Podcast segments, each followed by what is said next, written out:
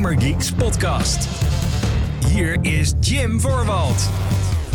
Hallo mede Gaming Geeks, wel leuk dat je luistert naar de Gaming Geeks podcast, de wekelijkse, ta- eh, wekelijkse talkshow van GamingGeeks.nl, waarin ik en een mede geek je graag bijpraten over alles wat er gaande is in en rondom de gamingindustrie. Ik ben Jim en tegenover mij zit de altijd vrolijke Jesper NL. Hallo! Hallo! En gelukkig nieuwjaar! Ja, Hoor je de beste wensen, Ja, zeggen we ook, dan. ja. Mag dat nog wel? Het is Heb je een best- belletje? Ik heb een belletje, ja. Het is wel een soort van belletje die... Ja, nou goed. dat werkt ook Die is beter, die is beter. Ja, ja, ja. kan je dat nog een bel noemen? Geen idee. Eh, Nee. Ja, mogen we dat eigenlijk nog wel zeggen op eh, de 11e?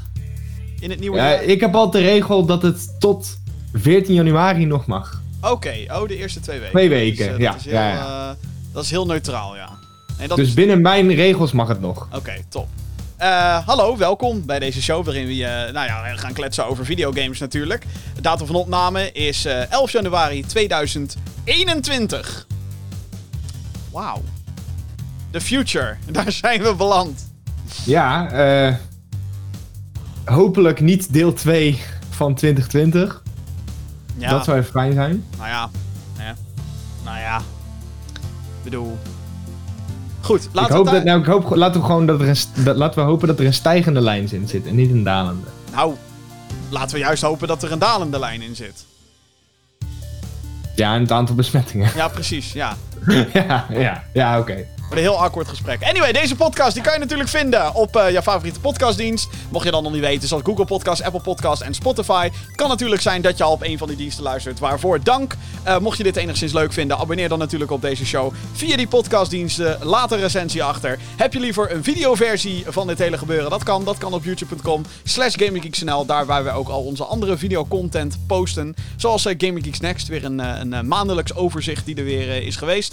En ehm ja, check voor meer gaminggeeks.nl, waar we zo nu en dan ook nog eens het laatste gaming nieuws eh, aan je meedelen. Wat heel belangrijk is, althans heel belangrijk. In de contraien, in de context van wat ik net benoemde, misschien niet. Hè? Het zijn toch maar videogames, maar het is een prachtige afleiding natuurlijk. Gaminggeeks.nl, dames en heren. Eh, eh, spread the word als het gaat om deze show. Want hè, hoe meer zielen, hoe meer vreugd, zeg ik altijd. Maar dat, dat, dat klopt ook wel altijd. Althans, dat klopt wel. Ja, vind ik van wel. Het is de 158ste aflevering van deze show. En we gaan het voornamelijk over één onderwerp hebben. En dat onderwerp heeft allemaal te maken met het feit dat we in een nieuw jaar zitten. Nieuw jaar, nieuwe games. ehm, ook nieuwe consoles, geloof het of niet. Volgens mij komt de Intellivision met een, een ding. Ehm, of we daar wat voor moeten verwachten, geen idee. Er zijn natuurlijk nog steeds rumors over de Switch Pro. Ja, Dat is hype. allemaal... Hype, ja. Dat is allemaal op dit moment niet bevestigd. We hebben geen idee op dit moment. Mooie tijdscapsule dit. Maar eh, voordat we naar die o zo belangrijke lijst gaan... is het natuurlijk eerst tijd voor... De playlist. Ehm ja, ik, ik, kan het natuurlijk uitgebreid gaan hebben over mijn avonturen die ik de afgelopen twee weken heb gehad als het gaat om videogames. Ehm ik heb van alles en nog wat gespeeld, joh. Het is, het is een, ik heb nu een soort van vakantie.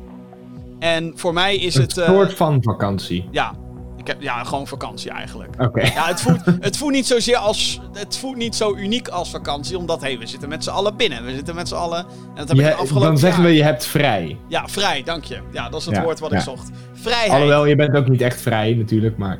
Nee, want we zitten allemaal opgesloten. Ja. Echt, vrijheid. wat is dat überhaupt? De overheid laat ons niet. Nee, nee, ik ben niet iemand die met een pannetje. eh, Alleen samen krijgen, Krijgen we de overheid weer onder controle. Nou, alsjeblieft op, man. Jezus. Nee, heel ik interessant, heel interessant. Ja, ja. ja, ja, ja. maar ehm, ik geloof niet in de feiten die jij opnoemt, Jeppie. Geloof er niet. Ik, eh, ik zelf eigenlijk ook niet. Nee, dat dacht ik al, ja. Nee, eh, nee ik, heb, ik heb van alles en nog wat gespeeld wat ik al een tijdje geïnstalleerd had staan. Eh Hades heb ik weer opgepakt. Fantastische roguelike. Lekker. Heeft een aantal Game Awards gewonnen ook. En terecht ook als je het aan mij vraagt. Geweldig. Ik heb Hades eindelijk een keer verslagen. Ja, ja. hey. Hades, ja, ja. En eh, wat, wat zo tof is aan die game is elke keer als je denkt... Oh ja, dus dit kan ik dan een paar keer doen en dan is het wel klaar. Dan gooit de game nog een soort element naar je toe. Van, oh ja, maar nu kan je dit doen. En dan is dan, oh fuck, ik kan nog meer doen. Eh, dat is echt... Geven ze je dan een nieuwe ability of zo? Of, Uh, of nou, in het, wat- geval, in het geval van Hades, eh, dus het is een roguelike. En je, eh, Mhm. Dus elke keer als je doodgaat, dan moet je overnieuw beginnen. Dat is ook Mhm. briljant eh, eh, in het verhaal wordt dat eh, eh, neergezet, zeg maar. Het heeft allemaal een reden. En zit, eh, nou goed, het is echt te gek ook. En ze geven je ook een hele goede reden waarom, als je dus de game hebt uitgespeeld, tussen aanhalingstekens, waarom je dan weer nog een keer zou moeten. Het is echt te gek. Ehm, maar eh, eh, eh, zodra je Hades dus verslagen hebt, de god van de onderwereld, Ja. dan ehm, eh, kan je daarna dus nog een run doen, maar dan kan je er.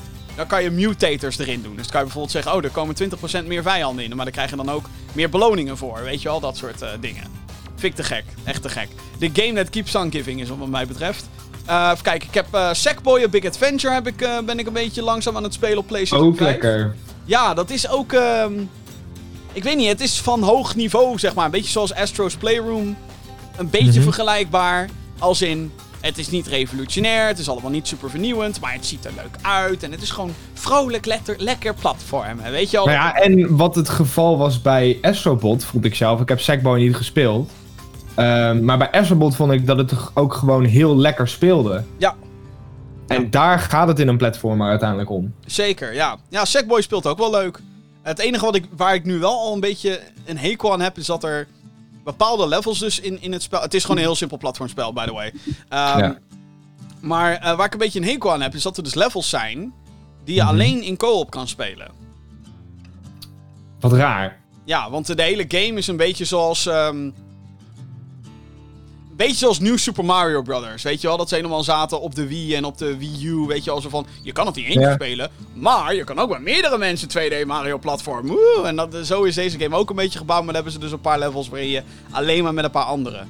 En volgens mij zit de online mode er of niet in, of die werd er later ingepatcht. Ik heb eigenlijk geen idee.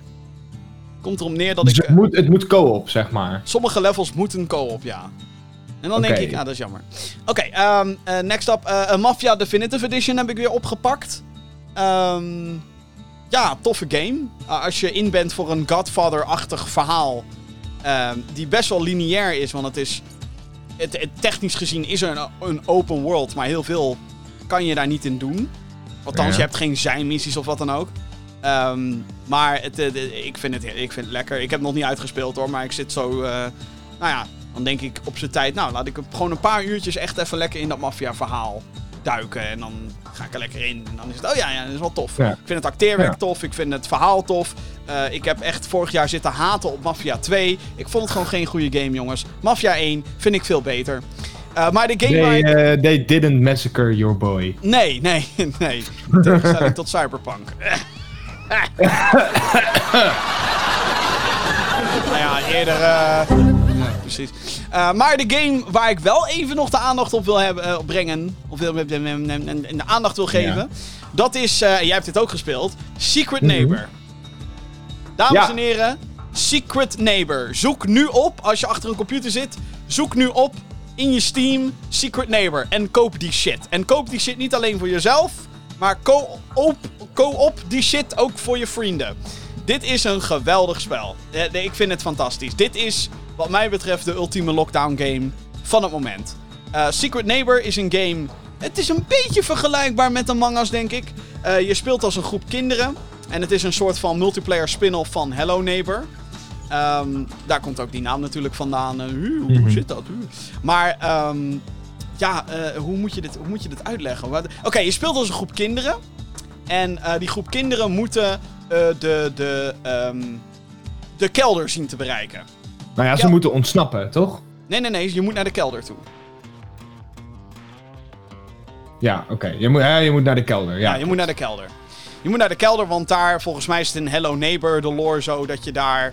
ehm, hoe heet het? Dat, dat je daar eh, geheimen vindt van de buurman of zo. Maar je gaat in ieder geval een huis binnen met een groep kinderen. En je moet sleutels vinden om de, de deur naar de kelder te kunnen openen. En zodra je als kind door die deur kan, dan ehm, ben je veilig. Dan heb je gewonnen. Maar één van die kinderen is dus, nou, een beetje zoals Among Us, de imposter. Of in dit geval, de neighbor. En ehm, ja, dat brengt natuurlijk dat hele spelelement met zich mee van... Wie is de neighbor? Ben jij de neighbor? Ik vertrouw jou niet. Hij loopt verdacht achter mij aan. Weet je wel, want je moet door allerlei laadjes heen zoeken om die sleutels te vinden. Je moet eh, eh, eh, elke kind, je hebt dus bepaalde characters, dat heeft weer bepaalde abilities die dingen kunnen doen. Het ene kind heeft een, heeft een foto waar een key op staat, maar dan, ja, weet je wel, probeer maar te omschrijven waar die, waar die, waar die sleutel dan ligt. Ehm, een andere die kan zich bijvoorbeeld bevrijden van de neighbor zodra die gepakt wordt. Er is weer een andere die kan weer meer spullen met zich meedragen. En het meedragen van spullen is super belangrijk, want sommige deuren zijn weer versleuteld met key cards. Dus je hebt de sleutels voor de basement door en je hebt de daadwerkelijke key cards.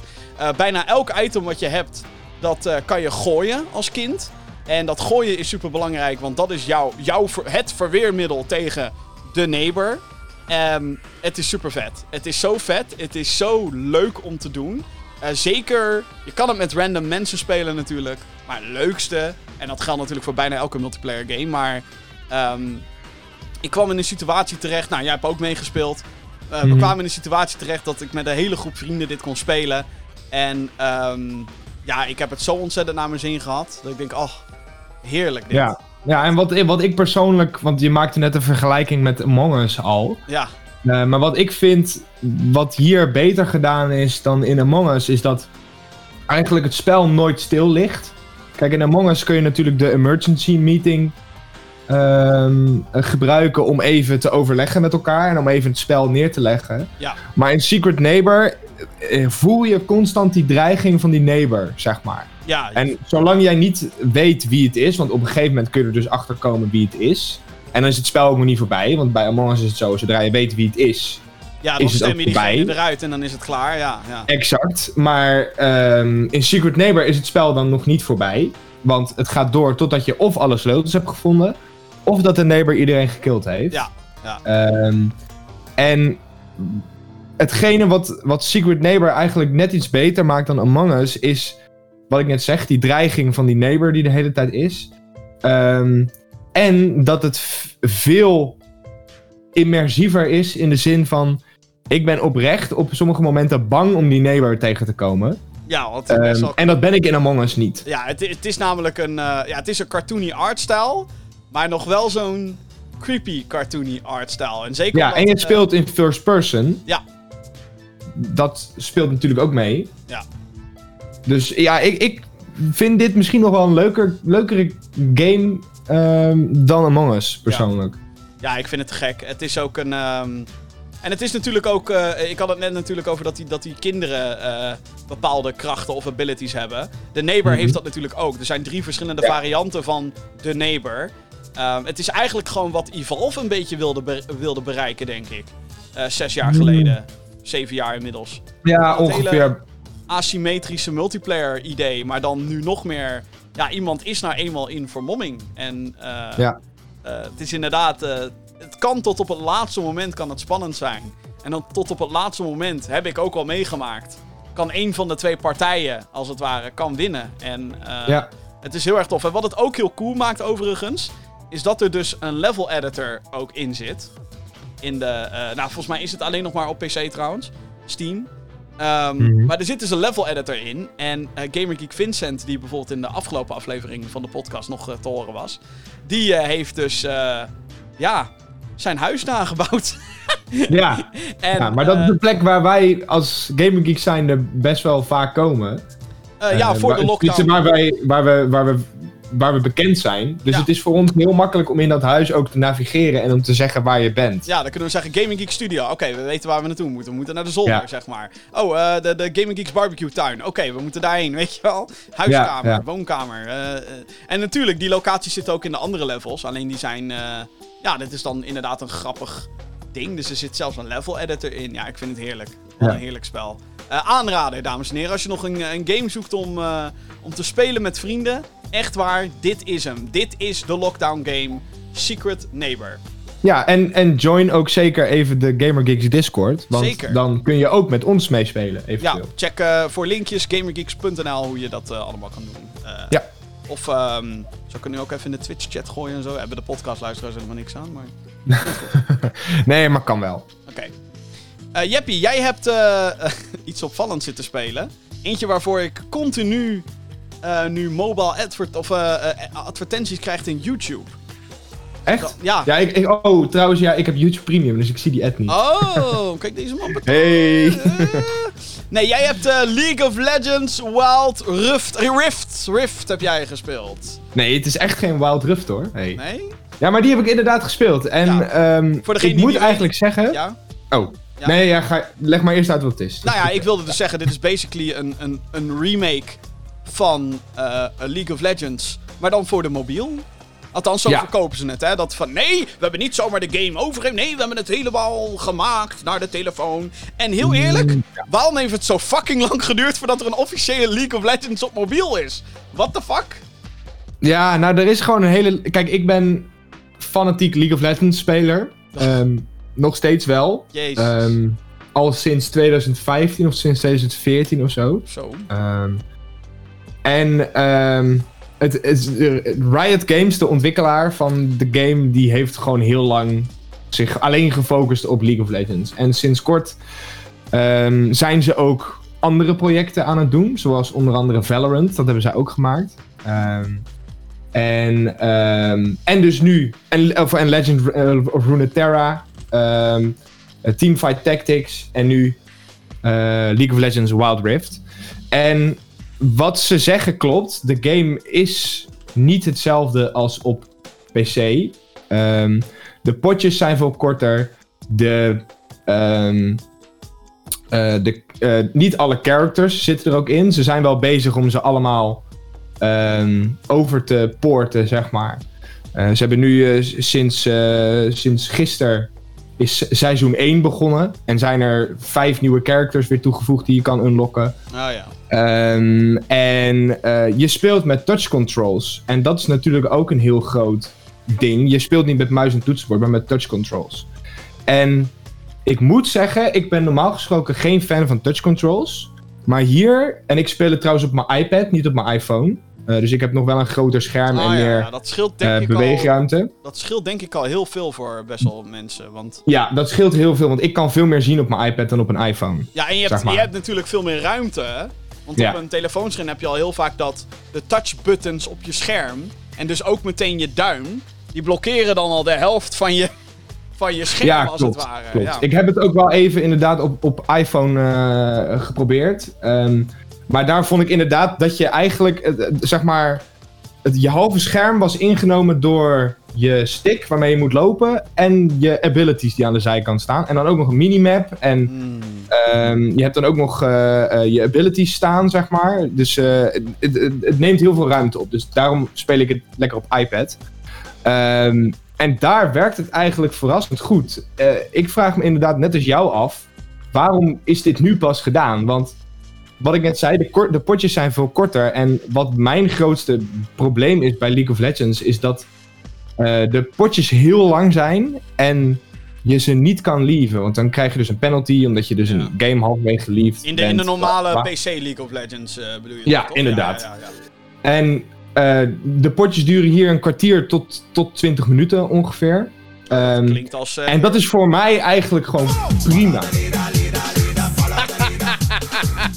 en, ik, Ja. en, ik, en ik van tevoren tegen Jeppie zeggen... Ik heb de stream alerts uitgezet hoor. Dat gaat nu niet gebeuren tijdens de Nee. podcast. Dat er een Twitch follower bij komt en dat je dat hoort. Oh, oh, oh, oh, oh.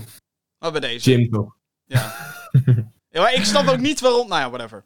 Technisch, technisch geleuter. Je hoorde, Technisch net, je hoorde net een Twitch follower. We hebben een follower op Twitch erbij. Dankjewel.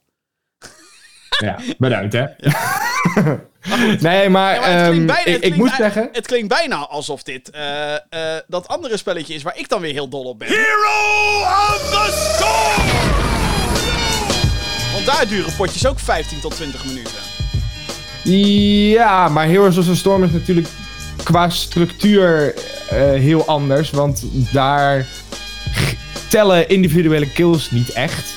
Ehm, kijk, hier in League of Legends, eh, als, al- als één champion heel veel kills krijgt, dan kan hij gewoon gaan steamrollen. Ja, dat is Ehm, waar. en, als, en als ik geen eh, kills krijg, dan ben ik gewoon useless, weet je wel. En bij Heroes of the Storm is dat heel erg anders opgebouwd. Dat en klopt, het is maar net wat je fijner vindt. Ja.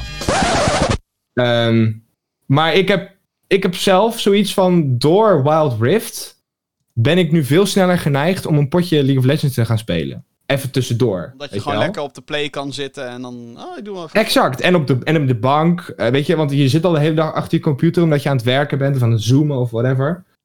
Ehm, en dan vind ik het wel lekker om even beneden te gaan zitten met mijn iPad, even potjes League of Legends te doen en dan weer aan de slag te gaan, weet je wel. Dus ja, ik zou zeggen, heb je League of Legends wel eens gespeeld of heb je het helemaal nooit gespeeld? En wil je het dus een keer een kans geven? Hij is gratis te spelen op de iPad. Is hij, is hij Eh, al officieel beschikbaar dan? In Europa Ja, ook? ja. Oh. Ja, hij is uit Early Access. ja. Oh.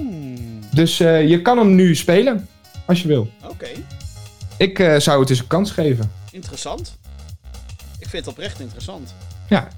Ja. Nou, ik ga, ik ga hem nu niet downloaden tijdens de, tijdens de show. Ik zeg een beetje dat ik helemaal zit. Eh, hoe werkt dit ook alweer? Eh, App Store. Nou, je moet rustig. je- er, er, wordt ook een, er, is ook, er zit ook een hele tutorial in van hoe, hoe de game precies werkt. En wat de mechanics zijn. En wie elke champion is. En dat soort dingen. Dus eh, het wordt je ook allemaal rustig uitgelegd als Ja. je een, een newbie bent.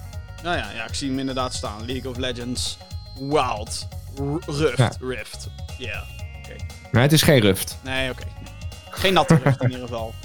Nee, nee, niet, nee dat niet. Oké. Nou, goed om te horen dat zelfs in deze bizarre tijden er nog mobile games zijn naast Diablo Immortal die eh, nog enigszins iets van kwaliteit laten zien. Ja, toch een prestatie. Zometeen Ja. in de Gamer Geeks podcast. Gaan we het eh, uitgebreid hebben over 2021. Een jaar vol met nieuwe games, maar welke willen we het allerliefste spelen? Het lijstje. Dat is waar het merendeel van deze show over gaat. En we gaan natuurlijk de mailbox weer openbreken. Dus heb je vragen voor deze show of eh, eigenlijk de volgende aflevering van deze show, moet ik dan zeggen, eer dat je dit hoort. Eh, stuur een mailtje naar podcast.gamergeeks.nl. Ik herhaal podcast.gamergeeks.nl. Gamer Geeks podcast. Oké. We gaan iets leuks doen. Wij gaan eh, in de. Want dit is de eerste show van het jaar. En wij gaan eh, onze games presenteren, als het ware. We gaan een soort eh, quick pitch doen over de games waar wij ons het meest op verheugen in 2021. Nieuwjaar, nieuwe games. Komt natuurlijk van alles en nog wat komt eruit. En ehm ja, ik, ik, ik, ik bedoel, het is een super creatief idee dit natuurlijk. Het is het meest creatieve... Origineel. Het is het origineelste ding wat je ooit hebt gehoord in welke podcast dan ook. Maar eh, eh, ja, we gaan onze Most Wanted lijst van dit jaar gaan wij eh, aan je voorleggen. Dus de, de games waar wij ons het meest op verheugen in 2021. Waarom moet je deze games in de gaten houden? Waarom vinden wij... Lijkt ons dit tof? Want we weten het natuurlijk niet. We hebben het niet gespeeld. Althans, in sommige gevallen niet. Hurdy her. Ehm, ja, je gaat het hier allemaal horen. Maar eerst, voordat we daadwerkelijk met de lijst gaan beginnen... ehm, heb ik een paar basisregels die we even moeten establishen. Weet je wel, zodat we weten waar we staan met z'n allen. Ja, oké, oké, oké. Ja, want het is belangrijk dat elke, elke lijst heeft regels, wat mij betreft.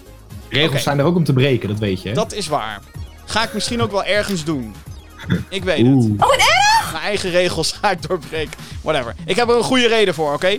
Komt Ja, oké. Mag. Het mag. Anyway, ik heb, eh, ik heb drie regels. Eh, regel 1 van het aankomende lijstje is dat de games moeten bestaan. Klinkt logisch. Wauw. Ja, Wauw. nee, maar niet dat we straks ineens komen met... Oh, ik wil Super Mario Galaxy 3. Of zo. Ja, die Bestaan. wil ik wel. Ja, die wil ik ook, maar die bestaat niet. Althans, Nee, nee, misschien bestaat hij wel, maar hij moet aangekondigd zijn. We moeten weten dat het bestaat. Dus We moeten van het bestaan afweten. ja, eh, officieel. Dus eh eh Conquer 2, whatever, Killer, Tekken 8 is ongetwijfeld in ontwikkeling, maar dat weten we officieel niet. Dus Ja. dat. FIFA 22. Ja, nou, daar, misschien, dat de, misschien al, al- als wij die in onze lijst zouden hebben, dan zou ik zeggen, ja, tuurlijk, duh, weet je wel. Maar goed, ja. Ja. nou, dat zou dan een uitzondering zijn op die regel. Die zijn er namelijk om te breken, inderdaad. Eh, de, Precies. de tweede regel, alle games dienen een officiële release datum te hebben van 2021. Dus we moeten vanuit de partij zelf hebben gehoord, bevestigd, dat die in 2021 uitkomt. Dus eh, ik zie heel veel van dit soort lijstjes met The Breath of the Wild sequel. Hartstikke leuk. Maar Nintendo heeft nooit gezegd dat die shit in 2021 uit gaat komen.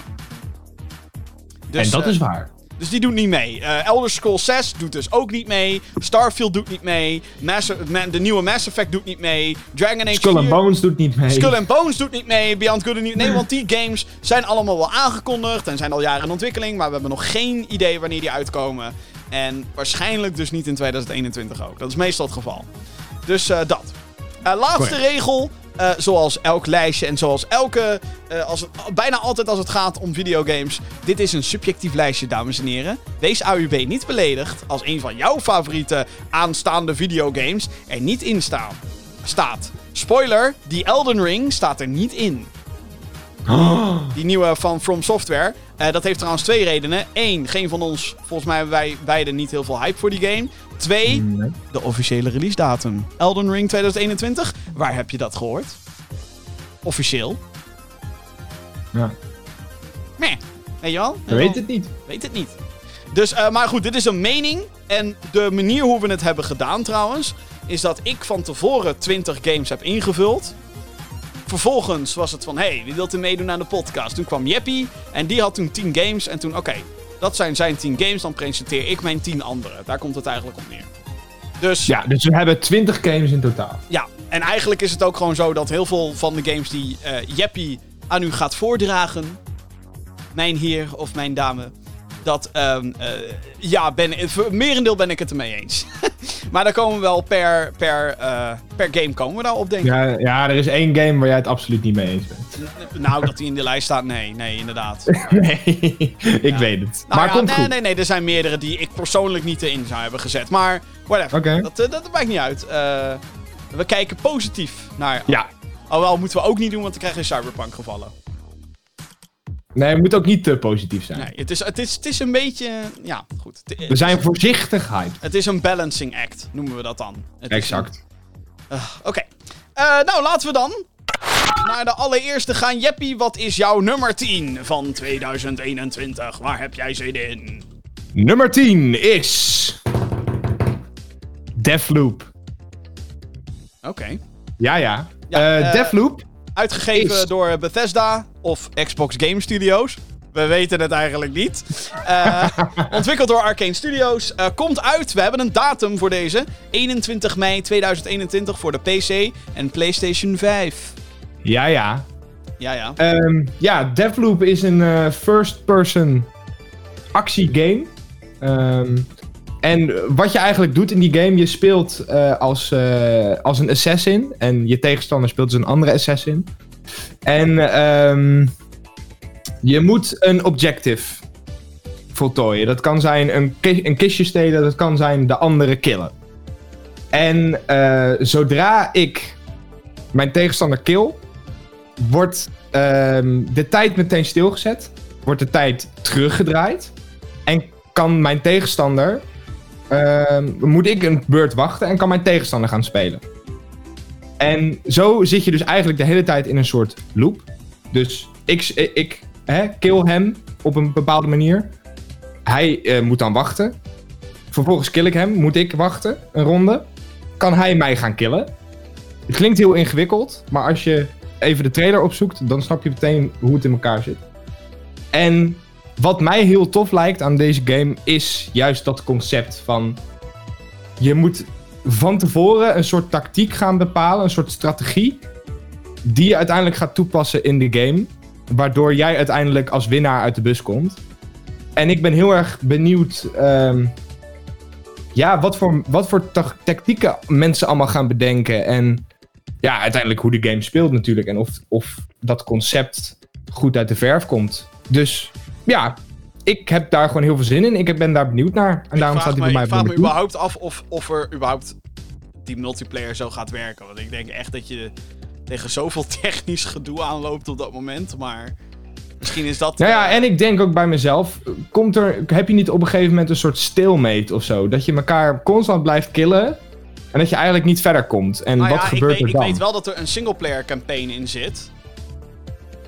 En ja, dus, dus hoe werkt dan de singleplayer ten opzichte van de multiplayer? Ik snap het concept wel. Wel? Oh, je moet dood. Of je gaat dood en dan kom je in de death loop of zo. Ja. Maar ja, hoe, eh, Hoe Nou krijg ja, je dan dat? re- respawn je zeg maar op het moment waarop je de missie startte. Ja, dat snap ik, maar dat is gewoon een restart, toch? Ja, maar je, je start ook op dat moment in tijd. Zeg maar. Ja, maar dan alsnog, zeg maar. Het is een, het is, het is een... Het is qua concept een heel tof idee. Je merkt dat ik twijfels heb bij deze game. Ehm, Mhm. Maar het is qua concept wel tof. Weet je wel. Maar het is dat ik denk, hoe ga je dit goed uitvoeren dan? Gewoon. Gewoon Nou ja, dat. is dus de vraag. En daarom staat hij ook nummer 10. Oh ja, nou, oké.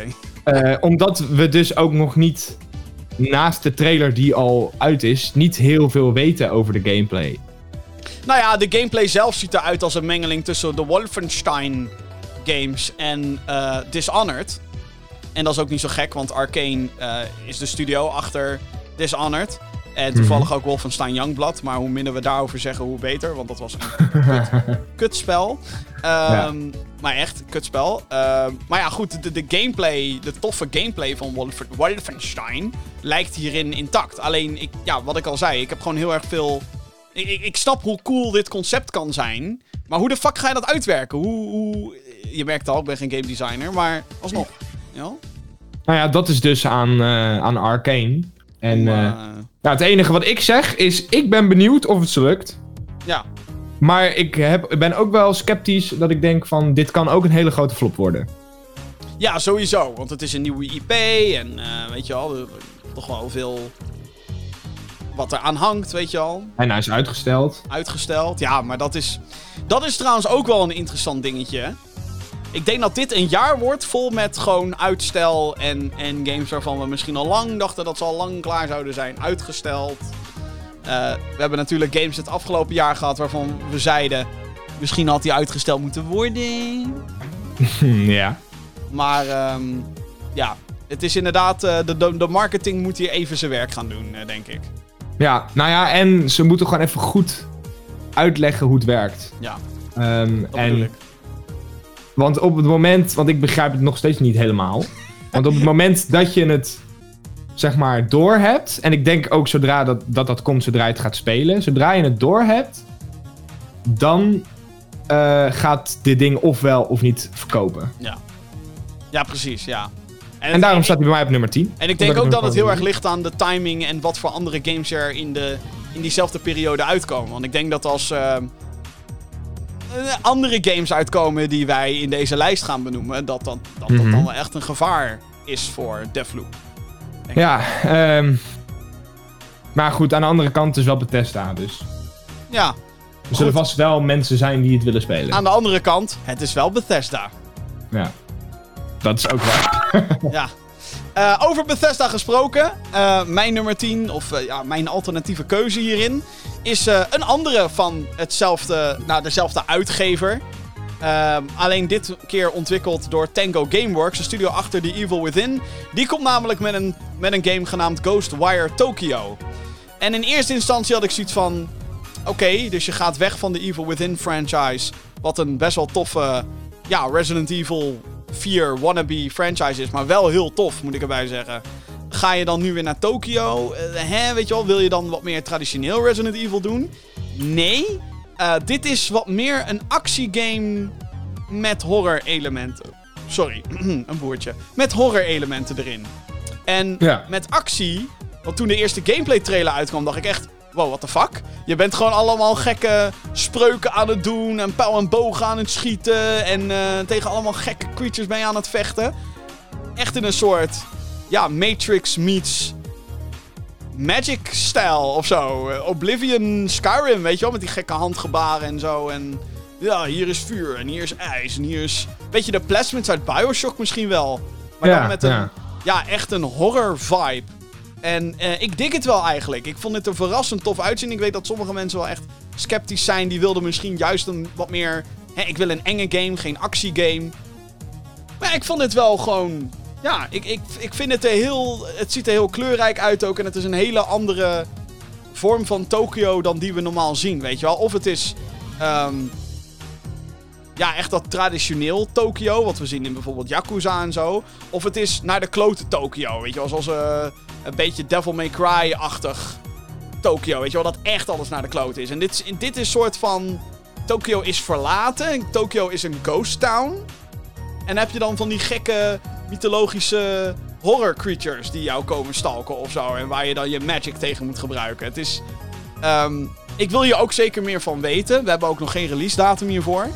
Ehm, maar net zoals Deathloop komt deze naar PC en PlayStation 5. Tijdelijk exclusief dus op eh, PS5. Wat nogmaals Mhm. ironisch is, want Bethesda is overgekocht door Xbox.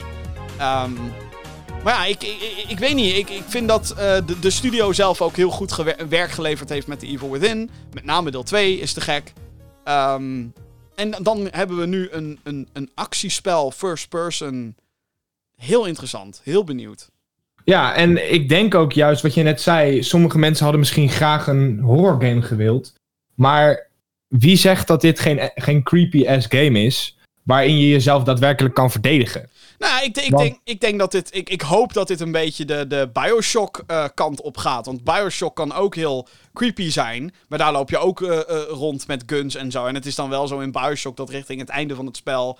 is het niet echt creepy meer. Omdat je dan een heel arsenaal aan wapens hebt en zo. Maar ja, Mhm. dan, dan, eh, dan neemt het verhaal weer allerlei wendingen. waardoor je er ook in blijft. Ehm, het is. eh, ja, ik, ik- ben heel benieuwd. Ik, ik wil hier echt zeker meer van weten. Dat is het vooral. Maar het is echt dat ik denk. Dit had ik niet zien aankomen. in de, in de hele toffe manier. Dus, Ja. ehm, Ja. ja. Let's go Bethesda. Let's go Tango Gameworks. Ik hoop dat het Let's go. wordt. Ja. Next, Jeppy. Ja, Ja, ja. De, volgens mij is dit de enige. Wacht even, even ik kijken denk hoor. het wel. Ik denk het wel. Ja, ik, dit is weet, de enige, ik weet wat je wil gaan zeggen en ik denk Dit het is de enige Nintendo-titel. Ja, inderdaad. Ja. Eh, ja, nummer 9 is eh, Super Mario 3D World plus Bowser's Fury. Woe! Ja, dit is een, ehm, ja, een poort van de, van de Wii U. Ja, En eh, ehm, ja, ontwikkeld door Nintendo, uitgegeven door Nintendo en komt dus op Nintendo Switch. Ehm, en eh, dit, dit is een game die ik, waar ik nooit de kans voor heb gehad om die te gaan spelen. Ehm, want Wii En- U. want wie wel, want niemand had een Wii U in huis. Precies. Ehm, en eigenlijk had ik deze game. Dit zou voor mij wel een reden zijn geweest om. eh, om een Wii U te halen destijds. Ehm, ik, ik weet niet, iets aan deze game trekt mij gewoon heel erg. Kijk, het is een beetje de, de crossover tussen de game die we er straks al noemden, Nieuw Super Mario, Nieuw Super Mario Brothers, en, ehm, en voor mij de, de 3D Mario games, zoals eh, Mario 64, Mario Galaxy en Mario Sunshine, die ook op de Switch zijn verschenen. Ja. En doordat die games nu weer bij mij vers in het geheugen zitten, dus Mario Galaxy, Mario Sunshine en Mario 64, heb ik eigenlijk nog meer zin in deze. Omdat het eigenlijk het, het beste van twee werelden combineert. Als in 2D en 3D Mario. eh, met een co-op element. En eh, ja, wat ik net al zei, ik heb nooit de kans gehad om hem te spelen op de Wii U. En nu heb ik wel heel veel zin om deze op te gaan pakken. Zeker dus nu er eh, een, eh, een soort expansion eh, bij komt. Waar we nog niet heel veel over weten. Wat dat gaat inhouden. Ehm, maar ja, ik, ik, heb heel veel zin om dit op te gaan pakken. En om te gaan spelen. En weer lekker even een, ja, een Mario ga- game te gaan spelen die ik nog nooit gespeeld heb. Ja, nou, ik heb een beetje. Ik heb wel hetzelfde. Ik ben niet zo hyped dat ik hem op mijn lijstje zou zetten. Want het is en blijft natuurlijk gewoon een poort. Eh, maar goed, ja, het, eh, het- wat je al zei, het is een poort van een Wii U game. En ehm, no shit dat hij naar de Switch komt. Eh, ik blijf erbij. Nintendo poort gewoon alles wat je nu nog over hebt van de Wii U. Poort nou maar gewoon naar de Switch. Want dat is gewoon gratis geld wat je bijna binnenharkt. Nu hebben ze hier dan inderdaad wel een expansion bij toegevoegd. Geen idee wat dat gaat inhouden. Het enige wat ik wel heb, en dat is maar goed dat hij nu naar de Switch komt ook. Is dat misschien dit een hele goede Mario game kan zijn. Ik heb geen idee, nooit gespeeld. Maar het is een hele generiek uitziende Mario game. Weet je wel, je kijkt ernaar en het, is, het heeft niet de, de uitstralingskracht van een Sunshine. Dat je denkt, oh ja, ik ga iets anders spelen, iets nieuws spelen toen de tijd. Ja. Eh, of met Galaxy toen hè, in 2007 van, oh shit, Mario in space. En dat is helemaal nieuw, weet je wel, oh, te gek.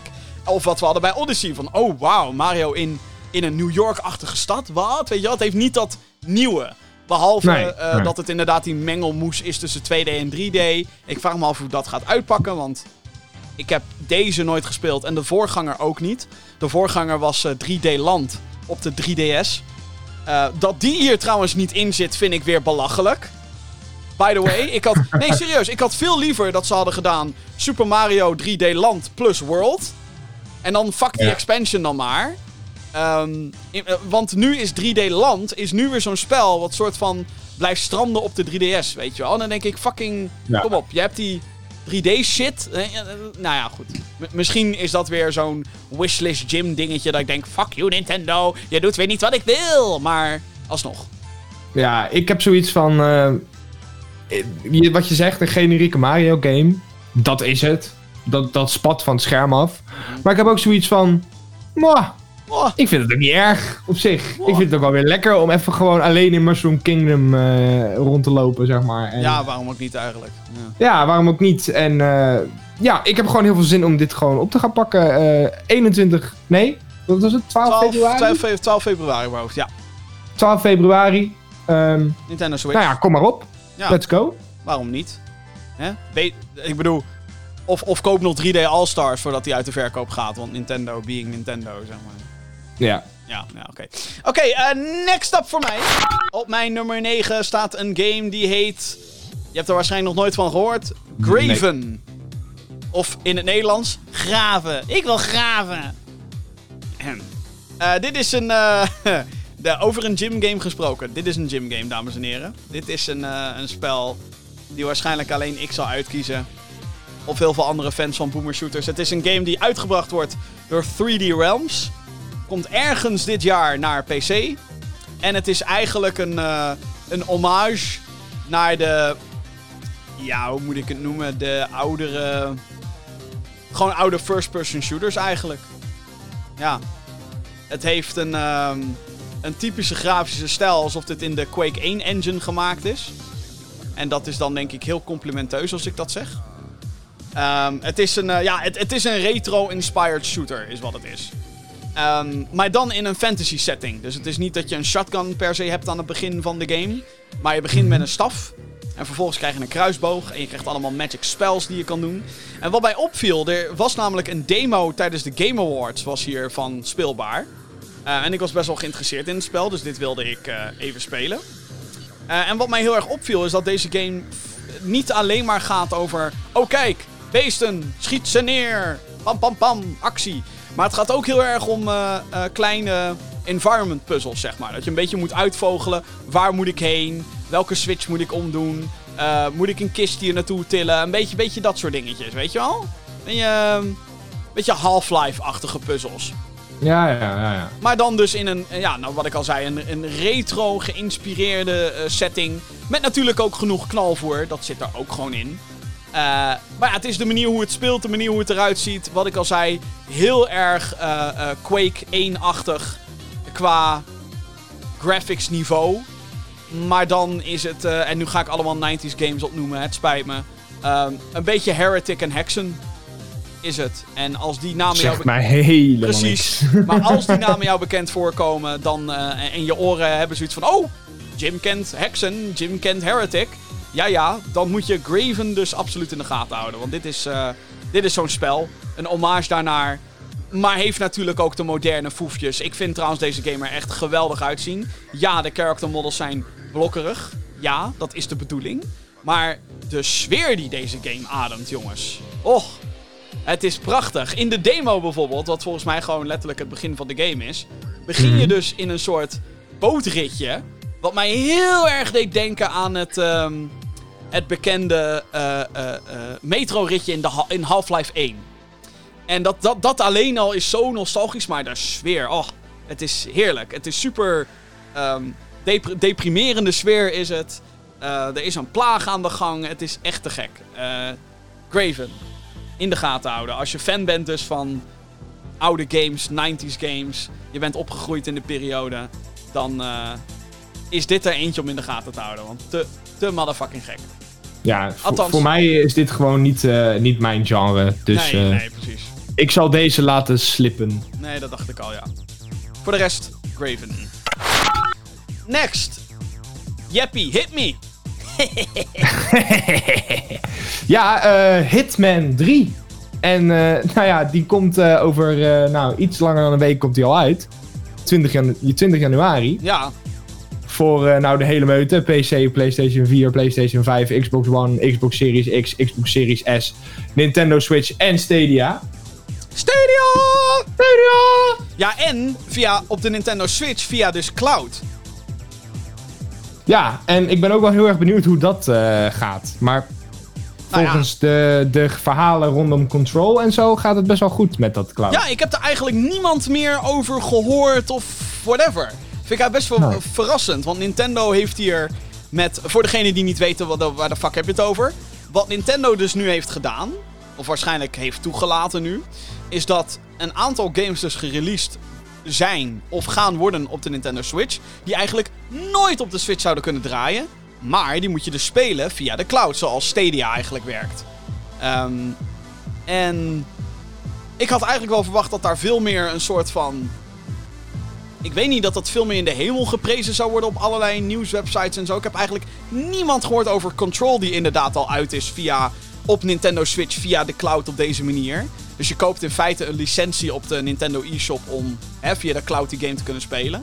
En dat gaan ze dus nu ook doen met Hitman. Ehm, en wat ook wel tof is en interessant is, is dat hij op PlayStation 4 dus in VR te spelen is ook nog eens. Dus dit- Hitman of Control? Hitman. Oké. Ja, Nee, sorry, eh, ja, ehm, Maar goed, Hit- Hitman 3.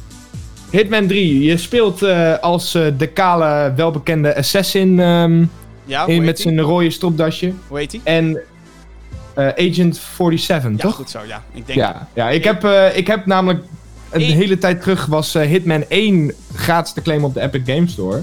Oh ja, ja. En nou, die heb ik al lekker even zitten spelen. En ik moet zeggen dat de, de, de gameplay heel, heel fijn is. En wat vooral heel goed is aan deze game. Je speelt trouwens, om nog even verder te, eh, te gaan. Je speelt als een assassin en je wordt eigenlijk op missie gestuurd om iemand om te leggen.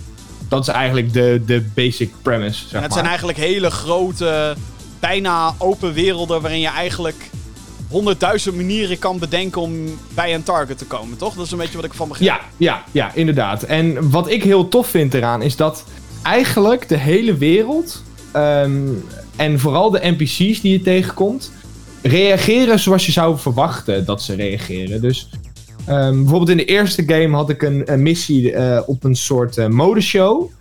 Ehm, en daar moest ik een, eh een modedesigner omleggen als, als Agent eh, 47.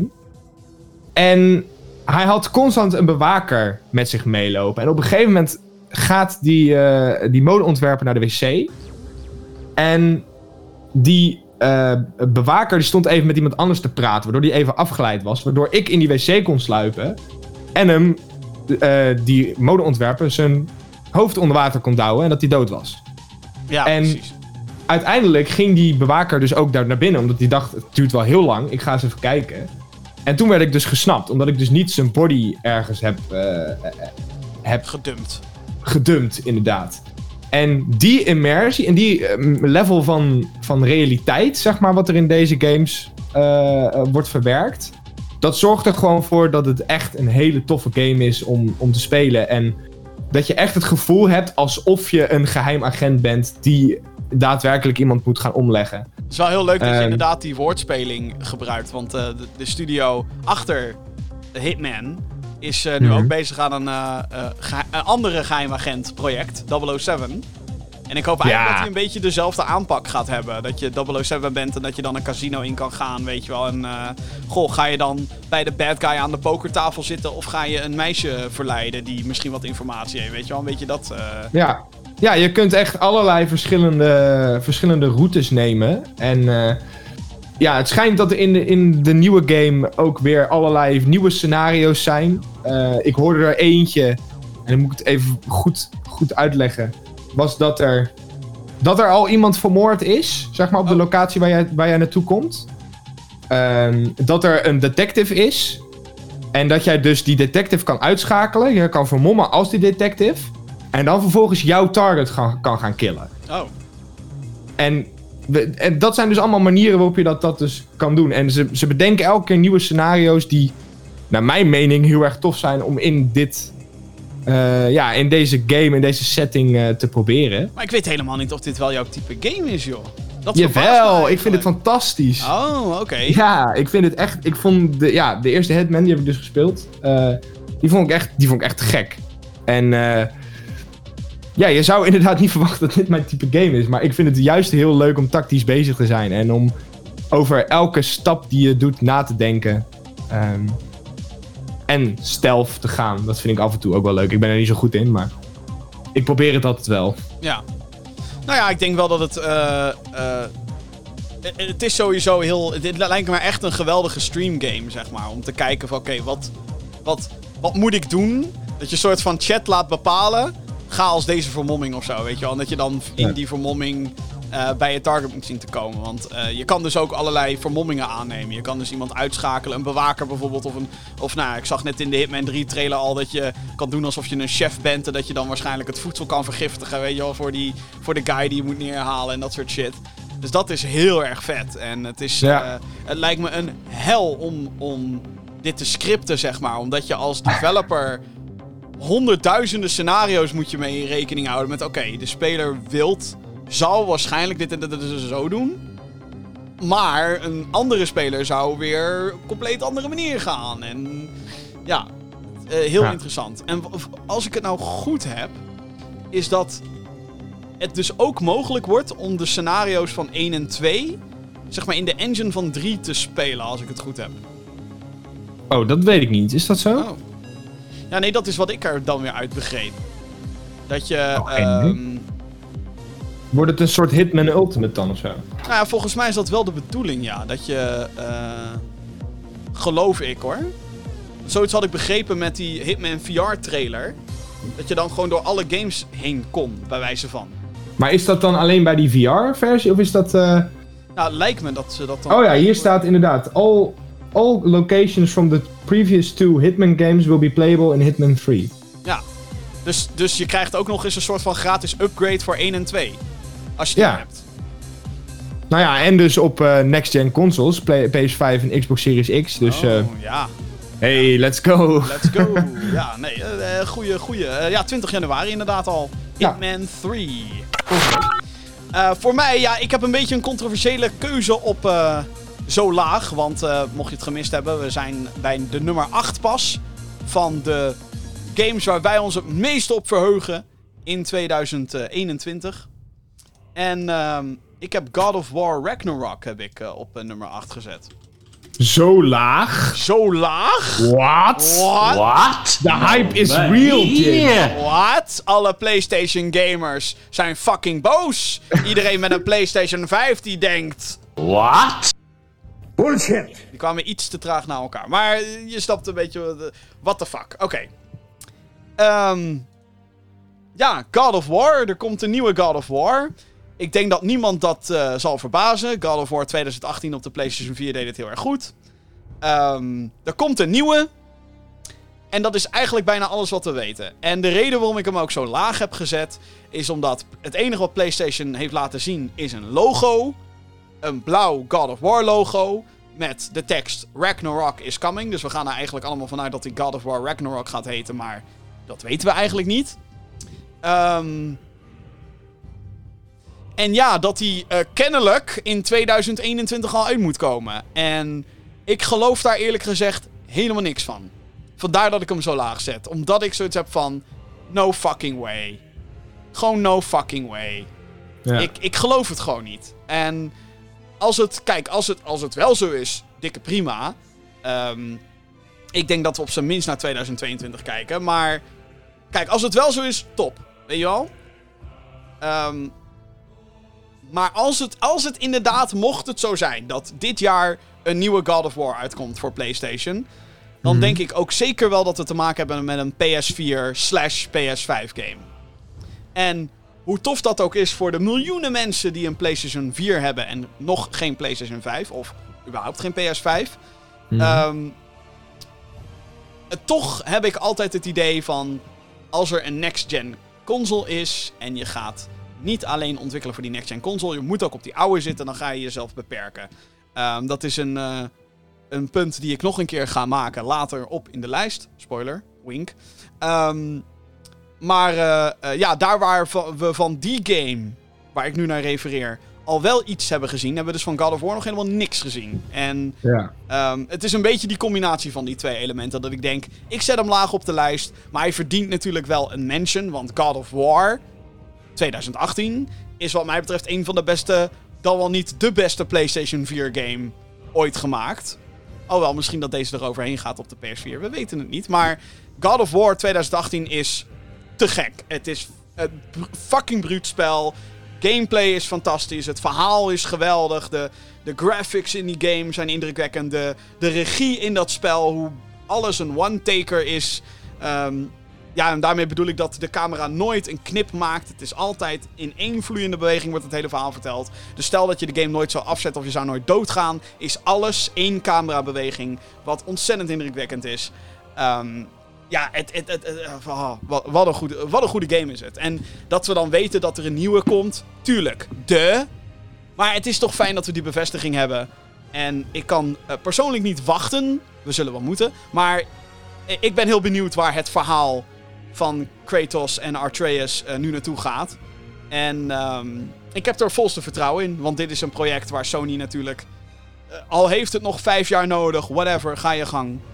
Ehm, maar ja, wat ik al zei. Het feit dat we er no- nog zo goed als niks over weten. En dat ze met een jaar zijn gekomen waarvan ik denk... Are you sure? Weet je het zeker? Ja. En ik, ik vind het heel gevaarlijk vanuit marketing standpunt. Want ze hebben nu al gezegd, PlayStation zelf heeft gezegd, 2021, God of War. Hmm. Nou ja, het zou kunnen natuurlijk. Kijk, als ze meteen in 2018 begonnen zijn Nou, dan, met eh, development. ja. Daarom denk En- ik dat het een PS4 slash PS5 titel is. Omdat het al drie, of pas drie jaar na... Vroeger was dat gewoon een hele nieuwe game geweest. Maar tegenwoordig is het maken van een game een gigantisch... Zeker zo'n game, een AAA-game, is, een, is een investering van... Godsamme. Eh, dus als het inderdaad... Een, als het inderdaad dit jaar gebeurt, wat ik al zei, en ook al gebeurt het volgend jaar, dan denk ik alsnog dat het een PS4 slash PS5 game is. Omdat dit eh, ehm, waarschijnlijk nog steeds ontwikkeld is met de PS4 in het achterhoofd. Eh, Ja, En waarschijnlijk op dezelfde engine en zo. En dat betekent niet dat de game lelijk gaat worden of wat dan ook. Want ik bedoel, speel God of War nu op je PS5, 60 fps 4K en het ziet er geweldig uit. Ehm, dus wat mij betreft denk ik ook niet dat ik zal klagen of zo. Maar toch, weet je wel, je gaat je toch beperken. En, eh, maar goed, het is allemaal afwachten. Misschien zit ik helemaal naast. Misschien komen ze straks met, nee hoor, alleen voor PS5. En dan ben ik waarschijnlijk blij. Ja. ja, de reden dat ik hem niet op mijn lijstje heb gezet trouwens, is omdat ik de originele God of War nog niet gespeeld heb. Dus hoe kan ik dan hyped zijn voor deel 2? Maar goed, gelukkig had jij ook een lijstje. Ja, precies. Ja. En nou ja, wat ik al zei, met twijfel. Maar goed, verdient een mention. God Zeker of weten. War Ra- Ra- Ra- Ra- Ra- Ragnarok. Gaan we door met de lijst. Nummer 7. Even. Ja, voor mij is dat eh, Back for Blood, Oeh. dames en heren. En ehm, dit is een eh, game die wordt gemaakt door de ontwikkelaars van Left 4 Dead en Evolve. Ja, ja. Eh, Turtle Rock. En ehm, wat mij heel erg interesseert in deze game is dat het een co-op game is waarin je met vier mensen zombies gaat killen. Daar komt het eigenlijk op neer. Ehm, het is eigenlijk een onofficiële Left 4 Dead sequel. Eh, nou ja, er was, er was Left 4 Dead 2 was er, maar dus nu Left 4 Dead 3 eh, eigenlijk. En ik heb heel veel goede herinneringen aan Left 4 Dead 2. Ehm, met een party van vier man. eh, door die levels heen gaan. al die zombies killen. Ehm, af en toe eh, gillen van het lachen. Huilen van het lachen. Ehm, en nu komt er dus een, een. Ja, nog zo'n game. Back 4 Blood. Van dezelfde ontwikkelaars als die game. Dus dan snap je wel dat bij mij de hype real is. Ja, Ehm, ik denk, ik denk- dit is, eh, ik bedoel, als je dan vraagt, hey, is dit Left 4 Dead 3? Ja. Ja, eigenlijk wel. dit maar is gewoon, alleen ze hadden de, hè, ik bedoel, dit wordt niet uitgegeven door Valve, die, die de eigenaar is van de Left 4 Dead franchise op Steam. Ja. Ehm, en op de andere platforms overigens ook. Ehm, eh, Warner Brothers Interactive geeft deze uit. Eh, wat ik een interessante keuze vind van Warner Brothers, zeg maar. Mhm. Eh, ik had eigenlijk gedacht dat zij de wat minder risicovolle kant op zouden gaan, weet je al. Want ze hebben eh, een aantal andere licenses, weet je wel. Ze hebben Mortal Kombat, ze hebben DC en... Tuurlijk zetten ze daar ook op in. Eh, Mhm. En nog een andere franchise waar we het nog over gaan hebben. Ehm, maar ja, ik vind, ik vind het wel heel tof dat zij dit dan ook uitbrengen, weet je wel. En ehm, ook ik verheug me hier heel erg op, omdat het, nou, wat je zei, het is gewoon Left 4 Dead 3. Eh, maar dan een nieuwe, een nieuwe game in die... Nou, niet, niet officieel in die franchise, maar eigenlijk wel. Ja, in, zo in, ja in, het heeft alleen een andere naam, maar het Ja. is eigenlijk gewoon Left 4 Dead 3 inderdaad. En eh, nou ja, ik weet dat jij ook heel veel eh, goede herinneringen aan Left 4 Dead 2 hebt.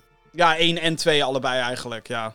Ontzettend. Ja, en eh, dus ik heb ook heel veel zin in dit met jou te gaan spelen en met andere geeks. Ja, Ehm, Ja. Om weer even los te gaan op een, op een horde zombies. En waarschijnlijk eh, onszelf helemaal eh, kapot eh, te lachen op zo'n avond. Ja, ja, ik hoop ook dat de versus mode er weer inkomt. Want wat Left 4 Dead echt super tof maakte. ehm, en dat is wat heel veel mensen misschien niet weten. Is ja, je hebt de co-op mode, zeg maar. Dat je hè, met vier man moet je van punt A naar punt B. En dan komen hordes van zombies en heel help, weet je wel. Chaos.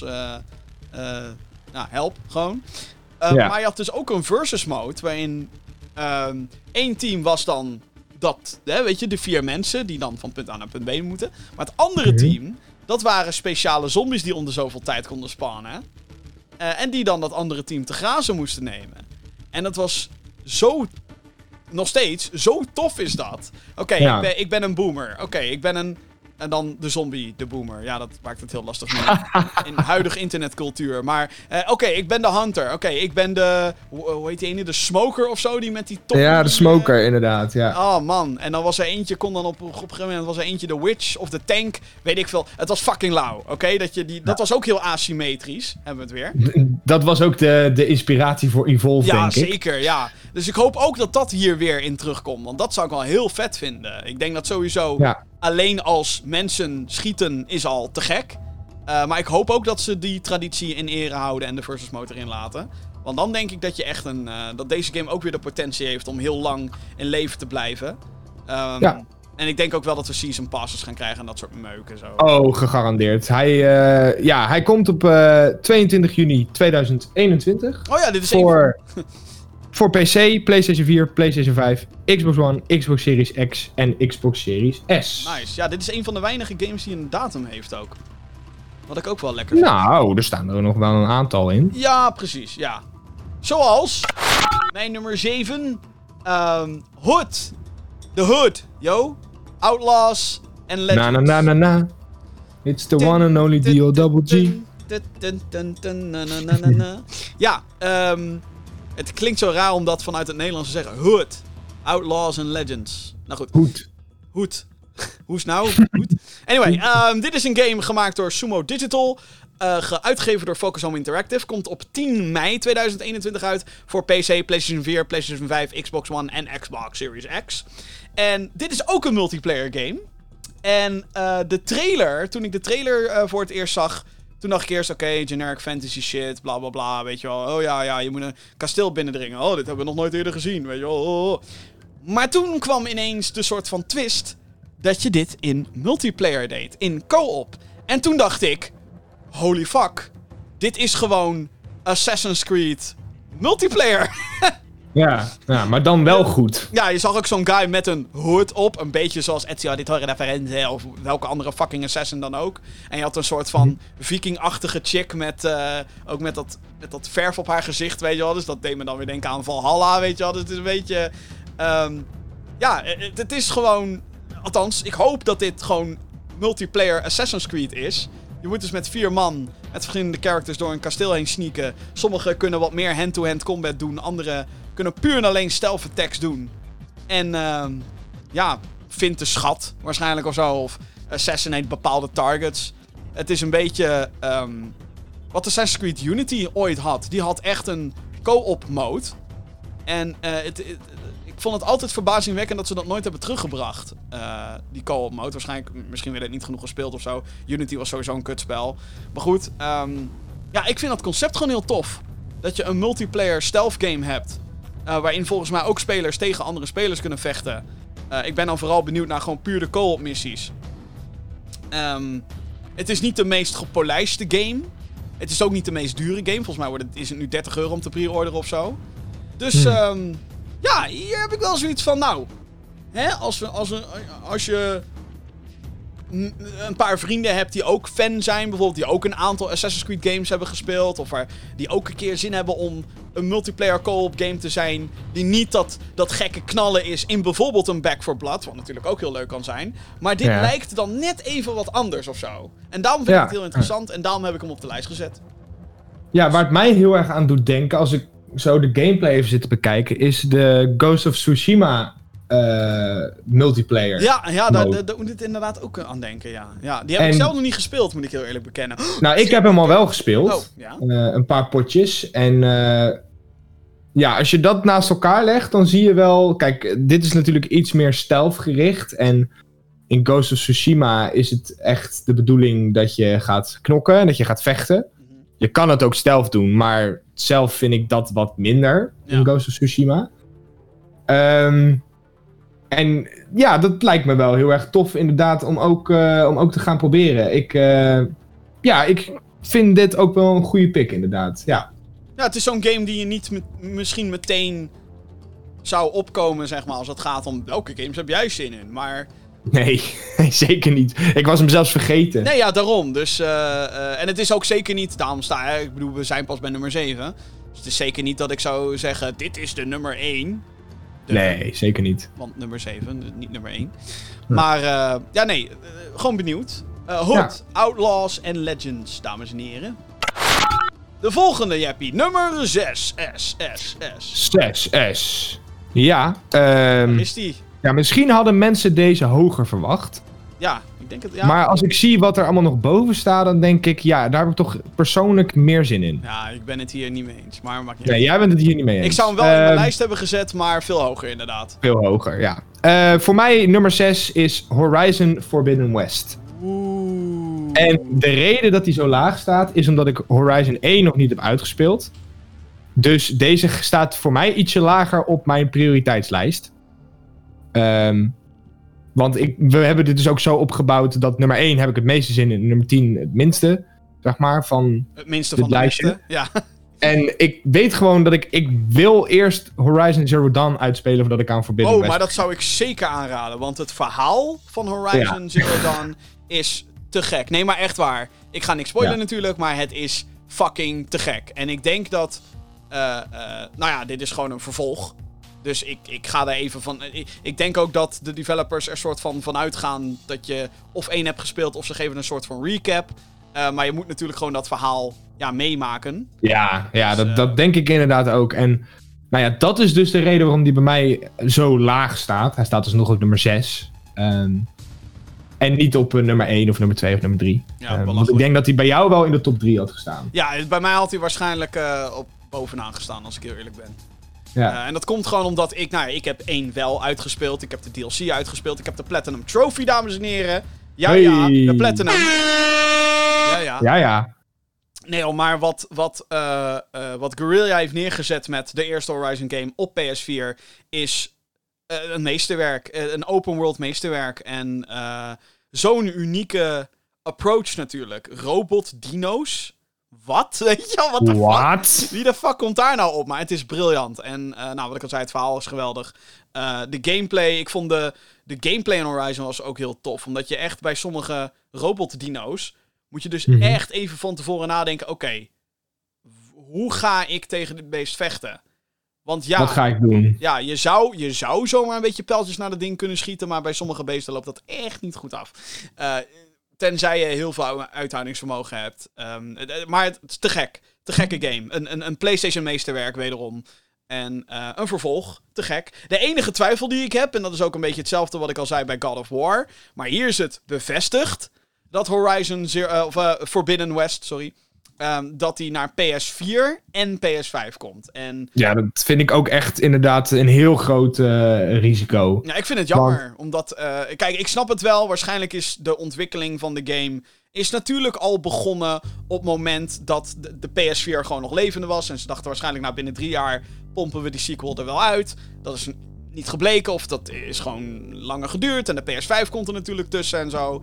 Ehm, dus d- ik, ik- geloof echt wel als ze zeggen. Dit, deze game is eigenlijk gewoon ontworpen voor PS4 en we kunnen gebruik maken van de PlayStation 5. Weet je wel, maar dan denk ik, kut. Weet je wel, ik had eigenlijk nu al een echte next-gen Horizon eh, gehad willen hebben. Maar ja, aan de andere kant denk ik ook weer, weet je, het is een beetje mijn, mijn, mijn cynisme versus mijn optimisme. Dat ik denk, hè, ik had een echte next-gen game gewild. Aan de andere kant heb ik Miles Morales geplatinumd. En denk ik, ja, dit is fantastisch. Ja. Heerlijk op de PlayStation 5, weet je wel? Dus, en dat is ook gewoon een, een PS4-titel. Dus het is een beetje gemengde gevoelens. ehm, maar eh, safe to say, eh, kom maar door. Ik hoop dat deze Ja. echt 2021 haalt, by the way. Ook daar heb ik mijn twijfels over, trouwens. Nou ja, ik heb dus een beetje. Nou ja, kijk, ik heb zelf een PlayStation 5, maar ik heb- ben een beetje bang voor die PlayStation 4-versie. Want als je nu bijvoorbeeld kijkt wat er met Cyberpunk is, is gebeurd. Nou, is dat natuurlijk een hele andere studio. Het is wel, maar dat is ook wel echt... Dit is echt een extreem geval, natuurlijk. Een extreem geval. Dat moeten we er inderdaad ook even bij zeggen. Maar als ik zie hoe die trailer eruit ziet van, van Horizon Ja, Forbidden nee, maar West. dat en, is... Ik, dit, de, en dit is een beetje het nadeel van, zeg maar, game trailers. Ja, ik weet het. Ik Het is cinematic. Het Het, lijkt er nooit op. Nee. Maar ik heb wel zoiets van. Ik wil dat het zo dicht mogelijk bij deze trailer komt. Want die trailer is fucking geweldig. Ja, en ehm, ik, ik zie niet hoe de graphics uit die trailer op PlayStation 4 eh, kunnen draaien. maar ik zie dat wel op PlayStation 5 gebeuren. Ik denk gewoon dat je van, als het gaat om de graphics, moet je denk ik gewoon hetzelfde verwachten als hoe Horizon er nu uitziet op PS4. De eh, Zero Dawn. Keer 2. ja, keer 2. Nou ja, nee, nee, op Want, PS4. want je hebt een hè? PlayStation 5, kom op. Nee, nee, ik heb het nu over de PS4-versie. Je hebt het over de PS4-versie. Ja, ja, ja. Ja. Ja, die gaat er gewoon uitzien zoals Horizon Zero Dawn eruit ziet. Maar dan... ja dat klopt. Dat klopt. Whatever. Op PS5, ja, ik vraag me dus af hoe groot die sprong kan zijn. Ik hoop een beetje à la Miles Morales dus. eh hoge resolutie, eh raytracing, vraagteken. ehm 60 fps, weet je al. Dat soort foefjes hoop ik. Ja, dat, dat hoop ik ook. En, en hopelijk ook gewoon geen laadtijden, zeg maar. Gewoon... Nul. Ja. gewoon- zoals, zoals in Miles Morales. Want tering, wat laat dat ding snel. Ja, laadtijden was. Dat is echt kut, jongen. Je knippert twee keer met je ogen en eh, je zit in de game. Nou, nou dat, dat vind ik echt te gek. Het is, eh, eh, ik zei het al eerder, ook in deze podcast. Het, het langste wat er kan zijn, zeg maar, qua laadtijd op PlayStation 5 op dit moment, is ik die fysiek de disc in de PlayStation 5 moet. ja. Dus, Dan, dan merk je pas eigenlijk wat het nadeel is van fysieke games kopen. ja, maar nu... zeg maar. Maar ik heb het mooie hoesje nu. Ik heb een mooie hoesje. Ja, dat klopt. Maar je moet elke keer opstaan, disc eruit, weer een hoesje, joh, disc man, erin. eh, Hoesje weer opruimen, weer, weer gaan zitten waar je zat. Het is veel makkelijker om gewoon een andere game aan te klikken en gewoon door te spelen. Tuurlijk, ja, tuurlijk, maar dat is altijd al, altijd al zo geweest. Oké, eh, ja, Horizon Forbidden West. Jongens in. Amsterdam, do not let us down, please. Ik eh, heb er heel veel zin in. Herman Hulst, you are my hero. Even though you are not head at Guerrilla anymore. You Ik are now het zeggen, hij werkt niet aan deze game, toch? you are head at PlayStation Studios now. He is the head, the, ho- the headman, the headman. Not the hitman, but the headman. Of, eh, of PlayStation now. He was first Yes. Guerrilla, but now he is... Not, not PlayStation Now, but PlayStation. Yes, on, Studio. on PlayStation. Well, you, you, get, you catch my drift, yes? Yes. Horizon Forbidden West, let's go. Oké, mijn nummer 6 is een, eh, een boomer shooter. Alweer? Alweer? Nog een boomer shooter. What? Ehm, deze game is te gek. Eh, het heet Prodeus, dames en heren. P-R-O-D-E-U-S. En... En, ja, dit is ook weer, eh, ik zei het ook al bij Graven eerder in deze, in deze show. Dit is een typische gym game. Weet je dit is een game waarvan je zegt, oh ja, heb je Jim weer met zijn gekke, met zijn gekke shooters. Maar dit is een, eh, ja, wederom een hommage naar eh, de, de, de oudere shooters van weleer. Ehm, het is een, eh, een indie game en hij is op dit moment al in early access. Oh. Dus eh, ze zeggen dat hun early access periode 8 tot 12 maanden duurde. Nou, volgens mij kwam de early access uit ergens in oktober. Dus, nou ja, dat die in 2021 volledig moet uitkomen. Ik geloof er wel in. Ehm, maar ja, dit is een, eh, ja, het is een first-person shooter. Het is teringsnel. En het heeft een grafische stijl waar je u tegen zegt, jongen. Het eh, heeft zeg maar express pixels, om het maar zo te noemen. Het is Ja. niet pixel art. Het zijn wel duidelijk 3D models waar je naar kijkt. Maar dan met zo'n pixellaag eroverheen die het echt gewoon... Ja, die, die retro-stijl meegeven. Maar het is fucking snel. Het is bruut. Echt het bloed dat spuit alle kanten op. En eh, ja, verder lijkt het heel erg op de structuur van Doom. Dus eh, je, hebt, je begint met een pistool. Daarna krijg je een shotgun. Je hebt een chain gun. Je hebt twee Uzis. Dat zit dan niet echt in Doom. Maar goed, whatever. Ehm, een rocket launcher. En je hebt eh, verschillende ja, wat zijn het? Demonen? Jawel hoor. Die lijken ook heel erg op de monster line-up van Doom. Dus je hebt zombies, je hebt eh, gasten die vuurballen gooien, je hebt demonen die op je afgerend komen, weet je wel. Je hebt beesten in die in de lucht zweven met vuurballen gooien. Oh man, man, man. Wat kan ik hier lekker van genieten. Zeker als je eh, in dit soort ja, Doom geïnspireerde games de controls juist hebt en dat de actie goed voelt. En dat als je die shotgun afvuurt, dat je denkt, oh ja, dit is een lekkere, ja, dit is een lekkere shotgun. Weet je wel, dan, hoor- dan hoor je die dikke vette gitaren hoor je aan als er 30 monsters om je heen spannen. En denk je, ja, ja, ik ga jullie allemaal kapot maken. Verder heeft Jim geen probleem hoor, Ik heb helemaal geen probleem. Ja, Nee, maar als ik ook zo nu naar de gameplay zit te kijken, dan denk ik ook, ja, dit, dit is Doom. dit is, ja, Alleen dan- Dit is een gym game. Ja, dit is, ja, dit is ook, ja, het is gewoon een gym game. Ja, eh, als je dat leuk vindt, dan ga je dit waarschijnlijk te gek vinden. Maar ben je net zoals ik en care je daar niet zo heel veel om, dan, eh, ja, eh, laten we Jim deze game maar lekker spelen. En gaan Nou wij ja, lekker Horizon Zeg maar, doen. als je Doom Eternal hebt uitgespeeld, is dit waar je je nu op moet verheugen. Oh, wel, Ja. ik heb nog een ander nou, in deze categorie. Nou, is het in deze categorie? Ik weet niet. La- laat ik het zo zeggen. 2021, dames en heren, is het jaar van de boomer shooters. Er komen namelijk heel veel van dit soort type games uit. En Prodeus is Oh. misschien op dit moment wel een van de betere. Eh, maar je hebt bijvoorbeeld eh, Wrath, komt ook nog uit. Aeon of Ruin heet die. Eh, er komt een eh, ehm, Brutal Earth of zo komt volgens mij ook uit. Dat is ook zo'n type... sh- Er komen... Anyway, er komen heel veel van dit soort type games komen eruit. En ehm, ja, er is een soort... ja, weet je, een beetje, beetje wat, je, wat we nu ook hebben met de roguelikes, weet je wel. Ja, Eh, dat daar er nu heel veel van zijn. En dat is ook een genre die zich door de jaren heen een beetje hè, heeft established. En ik denk dat we daar nu op het hoogtepunt zitten. Met titels zoals Risk of Rain 2 en Hades. En eh Spelunky 2 kwam vorig jaar uit ook. En, eh, nou, nou ja, ik vind Dead Cells een hele... Dead hele Cells vette- is een goede, ja. En, en nu zitten we een beetje, hebben we een beetje hetzelfde met de, nou, zoals het internet het noemt, de boomer shooter. Dus de Doom-achtige, Quake-achtige eh, shooters. Ehm, we hebben de afgelopen paar jaren al bijvoorbeeld Dusk en een Medieval gehad. En inderdaad, Mhm. deze behalen vaak niet de mainstream zoals eh, Dead Cells inderdaad bijvoorbeeld dat bereikt. Mhm. Ehm, maar ja, dit is al een paar jaar is dit al bezig. En Ja, degene die, eh, nou ja, mensen zoals ik, die zijn opgegroeid met Doom. Ehm, ja, die hebben daar gewoon heel veel behoefte aan, aan een game die eh, eh, wat minder poespas heeft dan andere shooters. En ik zeg niet dat poespas per definitie verkeerd is. Want eh, ik denk bijvoorbeeld dat Bioshock kan je geen boomer shooter noemen. Maar is fantastisch, weet je wel. Maar het is echt niet te vergelijken met de snelheid en de gameplay van Doom, zeg maar. ja, ja. Het is heel lastig uit te leggen, maar het is gewoon een bepaalde type. Ja, gewoon een bepaalde type game. En het is meer dan alleen het uiterlijk ook. Het is vaak ook het hele recht toe recht aan design van, van dit soort spellen, wat het heel leuk maakt. Eh, en perfect ook voor de indie scene waar we natuurlijk nu in zitten. Dus eh, Ja, geweldig. Ook deze game heeft trouwens een level editor. Volgens mij heeft de community ook al letterlijk Doom levels na zitten maken en zo. dus eh, ja, uiteraard. Heerlijk toch, man, man, man. Lekker. Prodeus, in de gaten houden, dames en heren. P-R-O-D-E-U-S, check het op Steam. Nu verkrijgbaar in Early Access. En nee, ik word niet gesponsord. Was het maar zo feest. Nee, Nick. Ja, ja, we zijn op de helft. We zijn op de helft. Nummer 5. Eif, Eif. Och, wat een goede keuze, Jeppie. Nummer 5 is voor mij Little Nightmares 2. En ehm ja, Little Nightmares is een, eh, een horror platform game, zeg ik dat goed?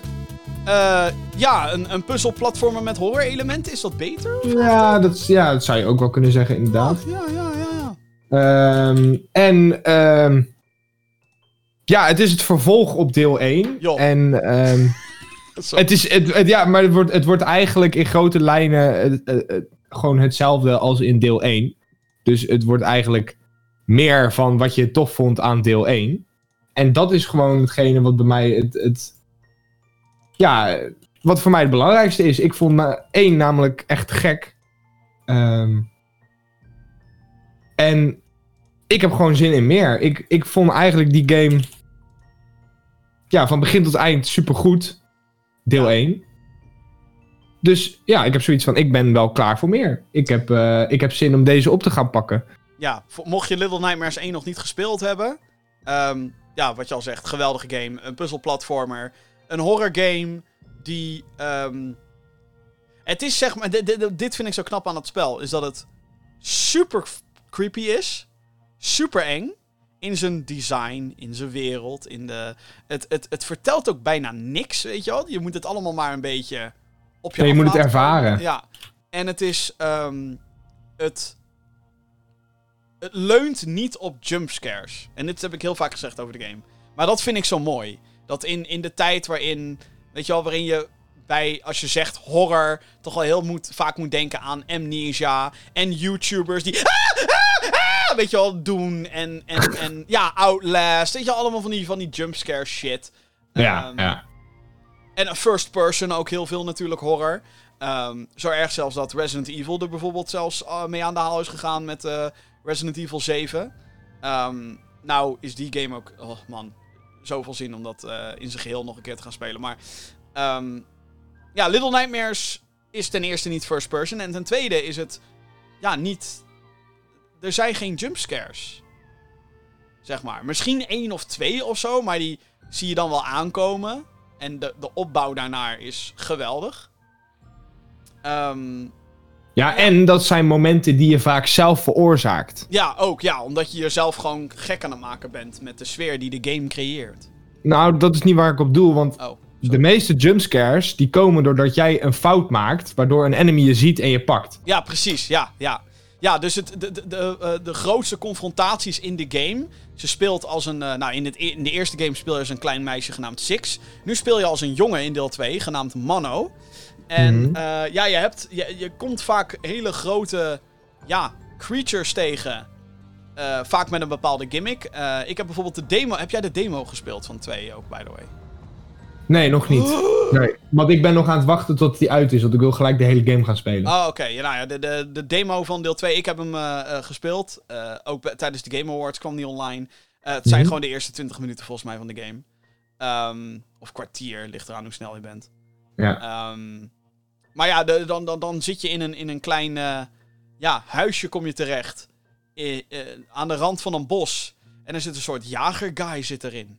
En die houdt allemaal enge poppen. En het is fucking creepy gewoon allemaal. ja. Oh man. En het speelt echt zoals deel 1. Eh, maar dan met nog wat meer elementen. Je hebt nu eh, bijvoorbeeld een, eh, een character die met je meeloopt. En ik Mhm. vraag me af of dat het character uit deel 1 is of niet. Vraagteken, geen idee. Komen we misschien wel achter in deel 2. Mhm. Ehm, maar eh, ja, het lijkt wel alsof je wat meer moet spelen ook met het feit dat je met twee characters bent. Eh, wat ik wel heel interessant vind. En het zal ongetwijfeld ook voor wat hartverscheurende momenten komen. Dat een van de twee ontvoerd wordt. En dat je denkt: nee, ben nee! ik weer alleen. Ehm, maar ja, het heeft weer datzelfde objecten duwen, objecten trekken. Ehm weet je wel, objecten naar elkaar toe gooien en dat soort dingen. Ehm, Ja. En gewoon creepy shit. Ja, dat, eh, dat ga ik wel vanuit dat dat erin zit. Want wat ik net zei, eh, het wordt gewoon... Het, hetgene wat ik tof vond aan, aan Little Nightmares 1, wat jij net allemaal noemt, hè, de jumpscares, dat soort dingen.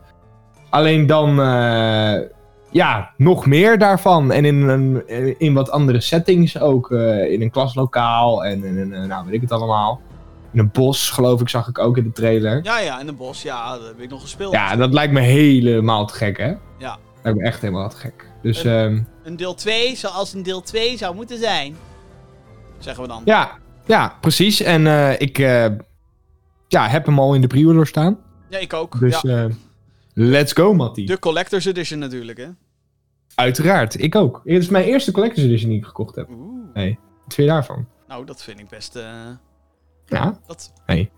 Nou ja, ik, ik vind dat oprecht best een dingetje eigenlijk. ja. Ook vooral omdat het niet zo duur is. Ja, nee, hij is, hij is 50 euro de Collector's Edition of zo. ja, ja, klopt. Ja, vind ik ook heel Nou, leuk. dat vind ik echt... eh, Ja, maar dat, dat vind ik dus ook heel leuk bijvoorbeeld. Dat deze game collector zit. Of althans, de eerste had het ook al.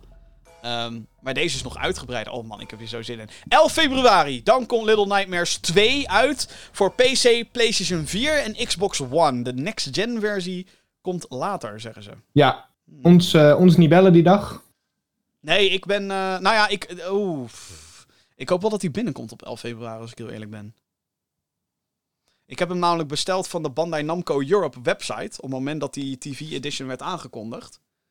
Omdat, dan, omdat dat op dat moment, zeg maar, de enige plek was waar dat kon. Inmiddels kan je hem gewoon overal pre-orderen. Dus ik zit er ook bijna aan te denken om die pre-order bij Bandai Namco te cancelen. En hem dan gewoon via een Nederlandse winkel te halen. Ja? Want dan zul je inderdaad maar net zien dat hij dan... Want dat moet dan uit Duitsland komen, geloof ik. Ja, dat gaat een paar dagen duren, hè, natuurlijk. Snap je? Goed. Ben aan het eilen, merk ik. Next! Eh, mijn nummer 5 is een, eh, een game die... ehm, ja, die is aangekondigd tijdens de PlayStation 5 aankondiging, zeg maar. En het heet Kena Bridge of Spirits. Het is een... eh, Ja, een fantasyvolle, rijke platformgame. En ehm, ja, dit zag er fantastisch uit. Dit is een game die volgens mij heel veel mensen op hun verlanglijst hebben staan. Eh, waarschijnlijk ook zo'n type game waarvan heel veel mensen denken... Hoe heette dat spel ook alweer? Ja, dat ene spel met dat meisje en die schattige, zwarte, fluffy beestjes. Want dat is hoe mensen het omschrijven. nou ja, dat, ja, Ja, dat is inderdaad hoe mensen het omschrijven, ja. Want dat, want dat is wat het is. Het, lijkt op een, eh, een, eh, ja, een, een beetje een mengeling tussen een, eh, een, gewoon een third-person actieplatformer en Pikmin. Want die kleine schattige eh, beestjes met eh, zwart haar, ehm, ja, die, die, die vallen vijanden aan en die gaan als een soort van groepje om je heen. Wat mij heel erg deed denken aan Pikmin. Op de een of andere manier. Ja, dat snap ik wel, ja. Dus Ja. ehm, het is een, wat dat betreft een hele interessante menging. Maar het is vooral de sprookjesachtige sfeer die deze game met zich meebracht. Die denk ik heel veel mensen interessant vonden. En waarom dit meteen op een soort van... Oeh, dit moet ik spelen. eh, dat meteen dat sentiment toen het werd aangekondigd vorig jaar. Eh, het Ja. wordt wel gemaakt door een nieuwe indie studio. Het is een debuuttitel. Dat is dan misschien wel iets om je zorgen over te maken. Want hey, het blijft toch een, hè, een debuut. Weet? Het is, Mhm. het is niet een, een established team of zo van... Het is niet Naughty Dog of een Insomniac Games of weet je, weet je, noem elke goede game developer maar op. eh, goede studio. Nee, dit is een nieuwe studio. En ik zeg niet dat daardoor dingen onmogelijk zijn. Ehm, want er zijn natuurlijk zat games. Van, of althans zat eerste games van een studio die geweldig waren. Indie, groot, maakt niet uit. Eh, dus wat dat betreft is dat misschien een domme twijfel om te hebben. Of een hele pessimistische blik. Mhm. Ehm, ja, het is wel altijd nog wel, weet je, de game ziet er prachtig uit. Maar speelt het ook lekker? Dat is de grote vraag die ik op dit moment heb. Ehm, ergens in het eerste kwartaal van 2021 moet hij volgens mij uit gaan komen. En ik eh, ben heel benieuwd. Hij komt uit op PC, PlayStation 4 en PlayStation 5. Dus het is een cross-gen game. En ik ga me- Deze gaan we spelen. Ja, maar dan natuurlijk op de PlayStation 5. Althans, ik wel. Ja, uiteraard. Ja, ja, ja, zeker. Al is het alleen maar omdat de marketing van Sony heel goed bezig is geweest met, eh, met deze game. Door het in een presentatie te stoppen. Ja. En ik had het ook gedaan als ik, eh, als ik hun was. Ja. Dus ja, goed gedaan. Let's go. Eh, nummer 4. ook een game die eh, eh, tijdens dezelfde presentatie aangekondigd werd als Kena. Eh, wat is jouw nummer 4, uh, Jeppie? Ja. Ratchet and Clank Rift Apart. Rift, eh, Rift Apart. Nee, niet Ruft. Jongen, jongen, jongen. Het is geen Ruft. Ook dit is geen Ruft. Nou, nee, dat denk ik ook niet. Nee. Eh, nieuwe Ratchet Clank. En een echte next gen. Want deze komt niet naar PlayStation 4. Deze komt niet naar een, een andere gen of whatever. Dit is een, een PlayStation 5 titel. Haha, fuck you, PlayStation 4 peasants. Zo. Wauw. Deze, deze man, deze privileged motherfucker, heeft een PlayStation 5 hoor. Ik ook. Maar ja. Jeppie, vertel, waarom heb jij zin in uh, hoeveelste deel? Red, uh, het heel veelste deel van Ratchet Clank. Waarom heb je hier zin Ja. in? Nou, ik heb uh, de Ratchet Clank games gespeeld toen ik ja, klein was. Dat is nog niet zo heel lang geleden natuurlijk. Hebben maar, we het dan uh, over de PlayStation 2 generatie? Uh... Uh, ja, degene die ik het meest gespeeld heb, dat is um, Ratchet Clank. Waarin ze uh, geheime agenten waren en zo. Secret Agent Uh, Clank? Was dat geen PSP-game? Die naar PS2 gepoord werd? Heet. Wacht even, ik ga even Ratchet. Want je had nee, eerst- want je speelde ook als Ratchet in die game. Oh, oké, laat maar zitten dan. Uh, ja, nee. Je had, uh, ja, je had Ratchet Clank, je had Ratchet Clank 2 en dan had je 3 Up Your Arsenal, geloof ik. En dan had je Going Commando, vraagteken. En daarna wordt het eigenlijk al, Maar- volgens mij gaan we daarna al naar de PS3. Maar je had er ook eentje op... misschien dat het wel Secret Agent Clank was. Ja, dat, was een, dat was een PSP-game die later ook gepoord werd naar PS2. Want waarom niet toen de tijd? Lang geleden, dames en heren. Ja, dat is, dat is de, ja, dit is degene die ik gespeeld heb. Maar je speelt daarin mm, het grootste deel als Clank, maar ook als Ratchet. Mhm. Alleen niet samen. Ze zijn het, het grote deel van die game zijn ze niet bij elkaar. Oké, maar je hebt dus niet een echte mainline Ratchet Clank game ooit gespeeld. Nee, ik ben wel nu bezig om Ratchet Clank op de PlayStation 4 om die te spelen. Oh, oké, ja. daar ben ik mee bezig. Ik ben ook met zoveel bezig. Ik ben met Ghost of Tsushima bezig. Ik ben met Horizon bezig. Ik, ik moet dit eigenlijk niet doen, dit soort podcasts. Ik moet eigenlijk gewoon gamen. League of Legends Wild Rift. Ja, ook. Dat is dan mijn afleiding. Ehm, maar dat wil niet zeggen dat ik niet eh, hyped kan zijn voor Ratchet Clank. Want Nee, nee, nee, zeker niet. ik ben zeker eh, bekend met de franchise. En als ik de trailer zie, en ook zeker de gameplay trailer, dan denk ik van, holy fuck, dit is next gen, dames en heren.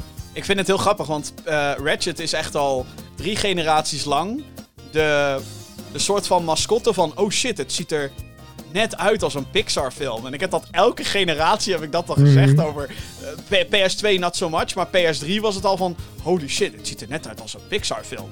PlayStation Ja, 4, ja. wauw, dit ziet er net uit als een Pixar film. En nu ook weer, holy shit, dit ziet er net zo uit als een fucking speelbare Pixar film. Ik wil Ja. het. Het is echt, eh, het is echt bizar. En zeker, eh, want het, het heet dus Rift Apart. En dat heeft te maken met dat je door ja, soort portalen kan, kan springen. En, eh, en die overgangen en die laadtijden die daarin zitten. Ja, dat is toch wel echt heel ziek hoor. En eh, ja, ondanks dat ik gewoon heel erg benieuwd ben eh, naar wat de game voor verhaal gaat vertellen deze keer. Is het ook gewoon, wat, wat we net zeggen, gewoon fucking impressive hoe dit eruit ziet. En hoe dit... Ja, er gebeurt Ja. zoveel namelijk in de gameplay die we gezien hebben. Eh, er zijn schepen op de achtergrond. Er zijn weet ik hoeveel NPC's die reageren op het feit dat er ineens monsters in het level spawnen. En, Zieke eh, raytracing ook. ja, nou ja, ik weet niet of dat op dit moment... Nou ja, als je, er, is op een gegeven moment een sectie, eh, voor de men- mensen die in de livestream kijken nu.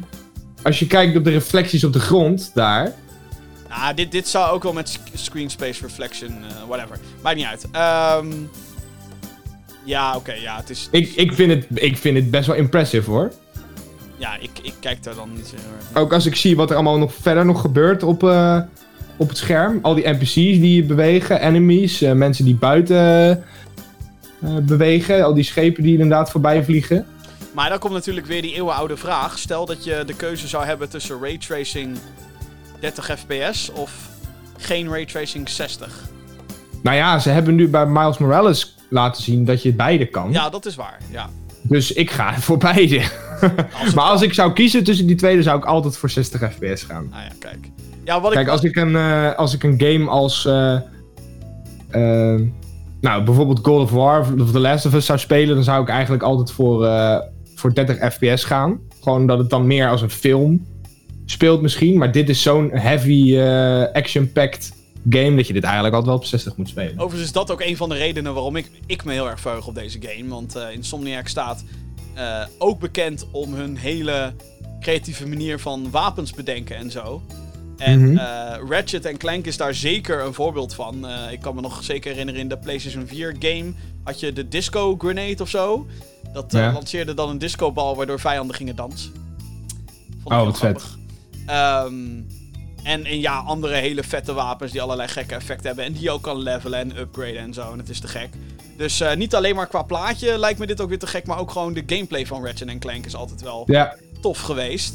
Ehm, ja, dus, dus eh, te gek. Dit is, dit is een van de redenen voor heel veel mensen om een PlayStation 5 te halen. En Mhm. eh, ik denk meer dan terecht. Dus eh, ja, dat denk ik ook. ik zeg bij deze een goede keuze, Jeppie. Dank je. Gaan we naar eh, mijn nummer 4. Hier, hier. Ja, deze, ik bedoel, Ratchet, Ook een goeie. Ratchet Clank zou ik natuurlijk ook gewoon keihard op de, op de lijst gezet hebben. Mijn nummer 4 is It Takes Two van Haze Light, ontwikkelaar. Als je denkt, wie zijn dat ook alweer? Dat zijn de mensen achter A Way Out en Brothers A Tale of Two Sons. Ehm, het is dus een game die je in co-op moet spelen. Je moet het, je moet het met z'n tweeën spelen.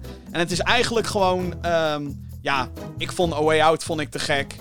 Ehm, de manier hoe die game met co-op omging... was een eh, ook een beetje obvious. Zo van, de, tuurlijk moet je dit met co-op doen. Maar ook tegelijkertijd juist heel uniek in zijn aanpak. Je was continu met z'n tweeën. Je moet die game met z'n tweeën spelen. Eh, dus je zag twee camera-standpunten tegelijkertijd. Soms was het één camera-standpunt en ging het van de ene speler, ene character, vloeiend over naar de andere. En It Takes Two doet dat ook eigenlijk. Je speelt als een, ja, een koppel wat volgens mij uit elkaar is en vervloekt is tot een sprookjeswereld, denk ik. En ehm, ja, dit stel moet elkaar, ja, dat moet samen een avontuur aangaan waarin ze ongetwijfeld elkaar weer hè, nader tot elkaar komen. Eh, en daarbij komen heel veel verschillende gameplay-elementen komen ehm, kijken. Dus eh, we zagen al platformsecties in de trailer, we zien schietsecties, puzzelsecties. Het lijkt gewoon super creatief te gaan worden in allerlei vormen van gameplay. Het is een soort Alice in Wonderland, maar dan eh, ja, met co-op. En het heeft Ja. weer hetzelfde als A Way Out. Dat als je één, als één iemand een exemplaar koopt van een game, dat je dan zonder extra kosten je maatje kan uitnodigen om mee te spelen. Dus Nou ja, dat lijkt me wel zo fair, want je moet met z'n tweeën spelen. Dus, eh, Nou ja, ik bedoel, ik, ik, eh, ik kan daarover debatteren. Ik bedoel, er zijn genoeg co-op games die je ook met meerdere mensen moet spelen. En waarbij iedereen gewoon zijn eigen exemplaar moet halen. ja. Eh, dat is eigenlijk gewoon de standaard. Ehm, maar eh Haze Light zegt nee, dit is een ervaring die je met z'n tweeën moet doen. En dus willen we dat als je de game koopt, eh, dat je met iemand kan spelen. En dat Ja. is een hele niet-EA-move. En het is de Nee. tweede keer dat EA het doet in samenwerking met deze studio. Dus eh, te gek. Ehm, zin in. Eh, 26 maart komt deze uit, uit mijn hoofd. Voor PC, PlayStation 4, Xbox One, PS5. He- heb je al iemand met wie je dit gaat spelen, Jim? Nou ja, ik, niet lullig bedoeld, Jeppie. Eh, maar ik moet nog even peilen. Maar ik heb A Way Out dus met Vincent gespeeld. Ehm, en dat was ook wel grappig, want een van de twee characters waarmee je kan spelen heet Vincent. Dus Oh, ja, dat klopt, ja. ja. eh, dat was wel heel leuk. Dus eh, ik, ik weet niet of hij... Hè, want je weet hoe Vincent kan zijn. Hè, dat is ook wel eens te, te, te, te horen in deze podcast. Die kan wel eens Mhm. gewoon, als hij dan een bepaalde artstijl ziet, dat hij zegt... Dit is niks voor mij, Weet zegt je hij. Nee, nee. Nee, nee, Maar, nee. Ik, ik hoop dat hij dit ook tof vindt en dat we dat dan met z'n tweeën gaan spelen. Anders, eh, ja, eh Jeppie, eh, hallo? Ja, weet je, prima, anders ga ik hem wel met Kaman spelen. Ja, nou, dan ga ik met zijn vriendin spelen. zo. ja, weet, weet ik veel. Ik bedoel, Komt allemaal wel goed, we vinden goed. wel iemand. Maar eh, 26 maart dus. It Takes Two. En ja, het, het liedje zit ook in de trailer. It Takes Two. Takes two, baby. Oké, eh, nummer 3. I, I, I, I, I. Ja, de top 3 zijn we aanbeland. Ja, van 2021, soort van. eh waar Yeah. we ons op verheugen. Vertel! Far Cry 6. Juan Carlo Esposito. Exact, dat is voor mij de reden waarom die op nummer 3 staat. Klaar, next. Die gast is zo briljant in alles wat hij aanraakt. Ja, Eh, in eh, eh, Breaking Bad, in The Mandalorian. hij zat toch ook in ehm, The Boys, had ik gehoord? Zit hij daar ook in? Ja, klopt ja. ja. Ik heb nu nog meer zin om die in? serie te gaan kijken. Ik hoor al van heel veel mensen... Wat de... f- Hoe heb jij nog niet What? The Boys gezien? I, I know, Nee. oké? Maar dat is ook echt wel iets voor jou, denk ik. Dat denk ik ook wel, ja. Als ik de trailers Ja. zie en die... En Carl Urban zit erin, wat ik ook een fantastische acteur vind. Maar goed, terug naar de game. Far Cry 6. Ja. Eh, het is eh, de volgende Far Cry game. De Eh, nieuwe, ja, ja. Ontwikkeld door Ubisoft. En uitgegeven door Ubisoft. Even wachten. Een open wereld. En ehm, ja, je speelt op, een, op een soort... het deed mij heel erg denken aan Tropico. De setting. Oh ja, omdat eh Juan Carlo Esposito speelt ook een dictator. Exact. Ja. Ehm, en je speelt op een eiland. En hij is dus inderdaad een dic- dictator. Ehm, en ja, ik weet niet. Ik vond de setting die de trailer neerzette, vond ik, vond ik echt te gek. Ik heb nog nooit een Far Cry game gespeeld. Maar nu had ik zoiets van... Echt niet? Ja, Far Cry 3 die doet het niet bij mij. Dat is echt fucking kut. Oh, Die, werkt, die runt gewoon niet op mijn PC. Dus zodra ik een de- nieuwe PC heb, oh wat? Hè? Die, die, hij doet het gewoon niet. Oké, ja, nee, ik, dat, eh, ik hoor echt zoveel gekke dingen door elkaar heen nu. Nee, nee, maar dat is de reden. Ik wilde Far Cry 3 graag spelen. Die deed het niet. En toen heb ik heel de franchise gewoon uit het raam geflikkerd. Oh, oké. Ja, maar Far Cry 3 is wel inderdaad eigenlijk degene waar je mee moet beginnen. En, en Ja. ja, toch Klopt, wel de maar- denk ik. Ik heb nu eindelijk weer zoiets van... Oké, want Far Cry 5 sprak me niet heel erg aan. Far Cry 4 niet. Primal niet. eh, welke zat er nou nog tussen? Ehm, Eh, Blood Dragon, maar dat is een... nee, dat vervolg op 5. Oh, New Dawn. Oh, New Dawn, inderdaad. Sprak me allemaal niet heel erg aan. Ik was heel erg geïnteresseerd in Far Cry 3, maar die deed het dus niet. Die heb ik letterlijk in mijn library staan, maar die kan ik gewoon niet spelen, omdat die gewoon niet opstart. Mhm.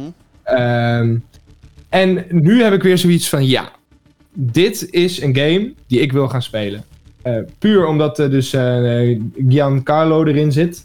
Ehm, en dat het dus hè, eh, straks op, als we de, de, de verhalen moeten geloven, op 4K 60 fps op Play- PlayStation 5 te spelen is. Oeh.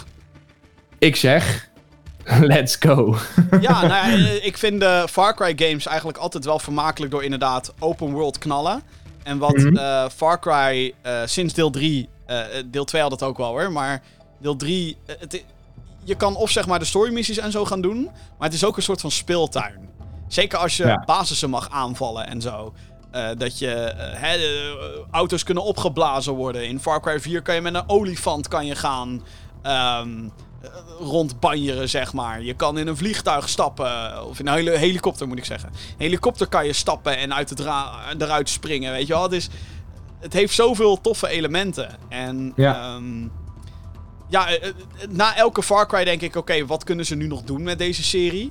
Ehm, en wat Far Cry altijd inderdaad heeft zijn toffe bad guys. Of althans bad guys die wat doen. Nou, Far Cry 3 is dan Vaas. 4 was Troy Baker, basically. Eh, Mhm. En 5 had dan The Father. Een, ja, gesymboliseerd christelijk figuur. En nu Mhm. heb je dan een dictator, inderdaad. En het, het is misschien heel overdreven wat ik nu zeg, maar ik zie nu dus inderdaad die trailer en dat gaat dan met riots en die riot shields en zo. En die guy die zich daar helemaal geen ene tering van aantrekt, Juan Carlo Esposito dus. Mhm. El Di- Dictatore of zoiets. En ja, toch moet ik dan een beetje denken aan wat er natuurlijk is gebeurd in Washington. Ehm, Ja. En het is, ehm, ik bedoel, laten we even vooropstellen, ik ben niet iemand die zegt, oh, eh, games moeten per se politiek commentaar leveren. Maar eh, aan de ene kant is het heel eng, zeg maar, om die trailer te zien. Omdat we natuurlijk een paar maanden geleden dachten, haha, overdreven, tof, zin in. Ehm, Mhm. Maar ja, de realiteit is dat het toch wel, ja, het komt toch best wel heel dichtbij en is heel eng soms. Ja, ja. Maar goed, eh, niet dat ik daar per se zin in heb. Ik heb waarom ik er zin in heb, is omdat de setting ook anders lijkt dan andere Far Cry games. Het was inderdaad altijd een soort exotische locatie. Het was hè, een eiland, een tropisch eiland in Far Cry 3. Het, was, het waren de Himalaya's in, in 4. Het was een, een, een countryside, eh, country provincie in, in, in 5. En nu lijkt het dus, vanuit de trailer althans, dat je ook te maken hebt met een stad. Die ook naar de kloten gaat en zo. ja, En als ja. ze dat goed voor elkaar weten te krijgen, lijkt me dat fucking vet. Want dat hebben we echt al gewoon nog niet echt gehad in een Far Cry game, geloof ik. Dat je echt in een stad ook kan zitten. Ik hoop natuurlijk ook wel op die tropische locaties en die zullen er ongetwijfeld in zitten. Maar eh, dat lijkt me ook tof als ze dat kunnen doen. En ik ben gewoon heel benieuwd naar hoe tof Juan Carlo gaat zijn. Eh, ik hoop dat hij een hele grote rol heeft in de game. Hoe meer, hoe beter, Dat denk ik. denk ik wel, ja. Ja, nou ja, ik Maar- bedoel, het is... eh, ehm, met, met de andere Far Cry villains was je, werd je natuurlijk niet continu geconfronteerd met de main bad guy. Want ja, anders wordt het ook een beetje een soort komisch iets van... Hallo, ik ontmoet je nou voor de zoveelste keer. Heus ben je nog steeds niet dood, weet je wel? Mhm. Dat krijg je dan wel. Ehm, dat was met Far Cry 5 stoorde ik me daar heel erg aan aan het plot. Dan kom je allemaal broers en zussen tegen van de vader. En je wordt echt iets van 14 keer gekidnapt. Maar geen één keer denken ze... Zullen we niet gewoon zijn kill doorsnijden? Weet je, dat ik denk, kill me nou Ja. maar gewoon. Want je hebt me al voor de vijftiende keer ontvoerd. Wat de fuck is dit? Waarom Ja. laat je mij leven? Weet je al, zo zat ik op een gegeven moment die game te spelen. Maar goed, whatever. Ja. Ehm, Ja. ja, je moet toch inderdaad een manier bedenken om die vette characters in jouw face te krijgen. Want het is allemaal first person. Maar ja, goed, ja, Mhm. een, een Far Cry game. Waarom niet? En dan deze fantastische casting. Ja hoor. Ja, ja, zeker. Ja, weet je wat ik denk? Ehm, ik zou het misschien persoonlijk wel tof vinden eh, als ze deze keer de rollen omdraaien. Dus dat jij. ehm, want eh, we zien dus in die trailer dat, die- dat er dus een, een hele riot bezig is buiten, een, een opstand. Ehm, en het lijkt me misschien juist wel vet om vanuit het perspectief van Anton, zo heet de dictator dan, eh, eh, gespeeld door eh, Juan Carlo. Juan Carlo Esposito. Het lijkt me misschien juist wel tof om nu vanuit zijn perspectief dat eiland weer te gaan in zijn oh, macht dat je, te dat je krijgen. eigenlijk een bad guy bent. Dat je gewoon in zijn regime Exact. zit. Oh, Exact. Dat je zijn regime terug moet bouwen. Dat, dat zeg zou maar. eigenlijk ook wel heel vet zijn, ja. Oh. Dat is wat ik denk. Want je speelt. eh, ik, ik ga ervan uit dat je als zijn, zijn zoon. Is het een zo- zoon of een dochter? Een zoon, geloof ik, hè? Ja, ja, zijn, zijn zoon, ja. Zijn zoon. Dat je als zijn zoon speelt en dat je dus het eiland terug moet veroveren. Nou, de, eh, nou, ik denk niet dat het dat, zeg maar, is. Maar ehm, wat ik wel heel interessant vond, was de fantheorie die rondgaat. Mhm. Dat het zoontje een jonge versie van Vaas is. Uit Far Cry 3. En als Hmm. dat het geval is, ik weet niet of, of ik dat wil of zo. Maar dat zou fucking lauw zijn. Sorry. Nou goed, we gaan het allemaal zien als het uitkomt op. eh, ja, we weten niet wanneer die Eh, uitkomt. er was een datum gelekt. Eind mei. Hij zou eerst in februari uitkomen, toen werd hij uitgesteld. Want- 25 mei, ja. Ja, 25 mei is wat er vervolgens gelekt werd in een of andere PlayStation Store weer. Ehm, Mhm. Maar of dat waar is, Ubisoft heeft het nog niet bevestigd. Dus misschien Nee. laten we hopen dat het die datum is. Want eh, ik wil dit spelen, vraagteken. En ik hoop dat er wat uitkomt in de eerste helft van 2021. Dat zou toch wel fijn zijn. Dus, ja. Ja. Oké, mijn nummer drie. En eh, dit is een beetje eh, waar ik de regels breek. Hoe durf je, verdomme? Jim. Ja, want eh, nou, wat ik al zei eh, eh, eerder in dit programma. Ik had 20 games ingevuld. en Jeppie had er 10 ingevuld. En toen dacht ik, oh ja, ja dan, dan kunnen, kunnen we daar wel 20 krijgen. En toch merkte ik ergens, kut, ik heb niet 10 games waarvan ik overtuigd kan zetten, zeggen, hier heb ik echt super veel zin in. Weet je al? Ja. Ehm, maar er was wel één spel waarvan ik dacht, deze moet toch wel in 2021 uitkomen. Moet toch wel bijna. En Ja. ik durf ook bijna te wedden. Nogmaals, dit is gewoon cheating wat ik doe. En van, van aannames uitgaan. Maar ik ga er gewoon vanuit dat dit 2021 gaat halen. Of dat ze in ieder geval die datum gaan aankondigen. Is het niet op het moment dat je deze podcast hoort, dan is het wel een dag erop. Maar het gaat in ieder geval over Dying Light 2. Een game waar we het ook al vaak over hebben gehad in deze podcast. Een open world. eh, eh, ook in die zin misschien een beetje vergelijkbaar met Far Cry. In, in, in de zin dat het een open world game is. Eh, Mhm. eh, maar een open world zombie game, althans, dat is de eerste. Gemaakt door Techland, die andere hele grote Poolse studio. En eh, een zombie game. En Ja. wat de eerste Dying Light zo ontzettend vet maakte, is dat het open world met zombies mengde met parkour. Dus het freerunnen, eh, langs muren heen lopen, op muren klimmen, melee combat. Heel erg vet. Natuurlijk moest je af en toe ook tegen mensen vechten, want dat hoort ook in elke post-apocalyptische game. Ik bedoel, eh, kijk bijvoorbeeld naar series zoals The Walking Dead. De grootste dreigement daar is niet zozeer meer het feit dat er zombies zijn, maar dat er mensen zijn. Ehm, wat natuurlijk ook heel erg meta-commentaar is en zo. Maar ja, Dying Light 2 lijkt daarin eh, ehm, ja, nog verder te gaan dan het eerste deel natuurlijk. Ehm, wat ik heel interessant vond in Dying Light 2 is dat je tijdens bepaalde missies keuzes moet maken die de wereld beïnvloeden. Dus eh, er was bijvoorbeeld eh, een missie die ze best wel vaak hebben laten zien, is dat je een waterpomp moet overnemen. Ehm, en je kan er dan voor kiezen om die waterpomp aan de bandieten te geven, waardoor iedereen vrij water heeft. Mhm. Uh, maar dan wordt het dus één grote chaotische teringzooi, want iedereen gaat daar naartoe voor water. Of je geeft het aan een bepaalde partij die macht heeft. En dan zie je dus bijvoorbeeld dat daar hele hekken omheen komen te staan. En dat er een rij komt te staan van mensen die daar staan te wachten voor hun schoon water. Ja. Een beetje, een beetje in die trant. Uh, en daarmee kan je hopelijk dus allerlei verschillende verhaalpaden opgaan. Uh, er is wel wat controverse rondom deze game. Allerlei mensen die aan deze game uh, werken of hebben gewerkt. Nou ja, hebben gewerkt vooral. Die zijn weg bij het team, want MeToo-aantijgingen en zo. Allemaal Ja, niet zulke ja. leuke dingen die er allemaal zijn gebeurd. Ik heb ook zo'n idee dat dat de reden is waarom die 2020 niet heeft gehaald. Ehm, en COVID natuurlijk komt er ook bij. Ik denk dat je, als je die twee elementen pakt, dat je wel ja, een goede reden hebt om, eh, om, eh, Recipe for disaster. ja, om een, een, een datum niet te halen. Nou hebben ze nooit een specifieke datum ooit gegeven. Alleen een soort van hm, eind 2020? Vraagteken.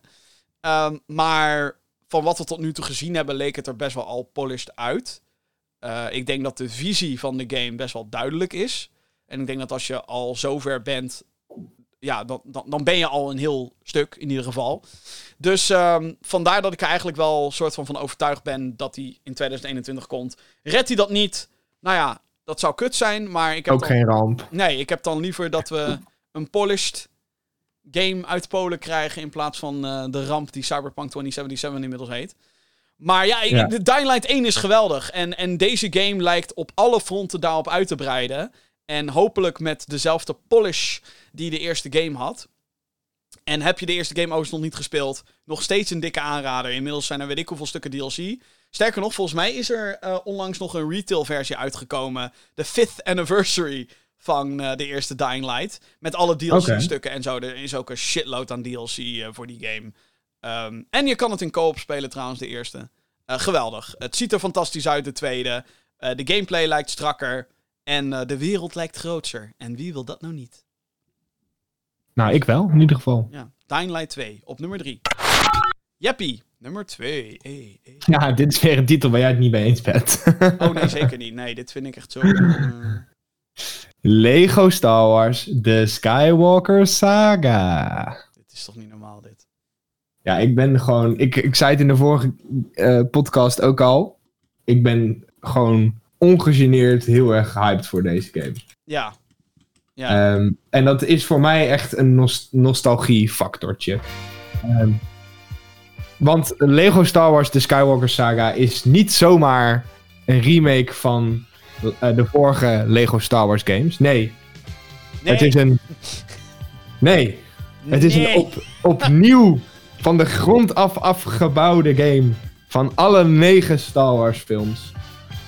Ook de slechte. Ook The Rise of Skywalker. Ook The Last Jedi. En ook The Force Awakens.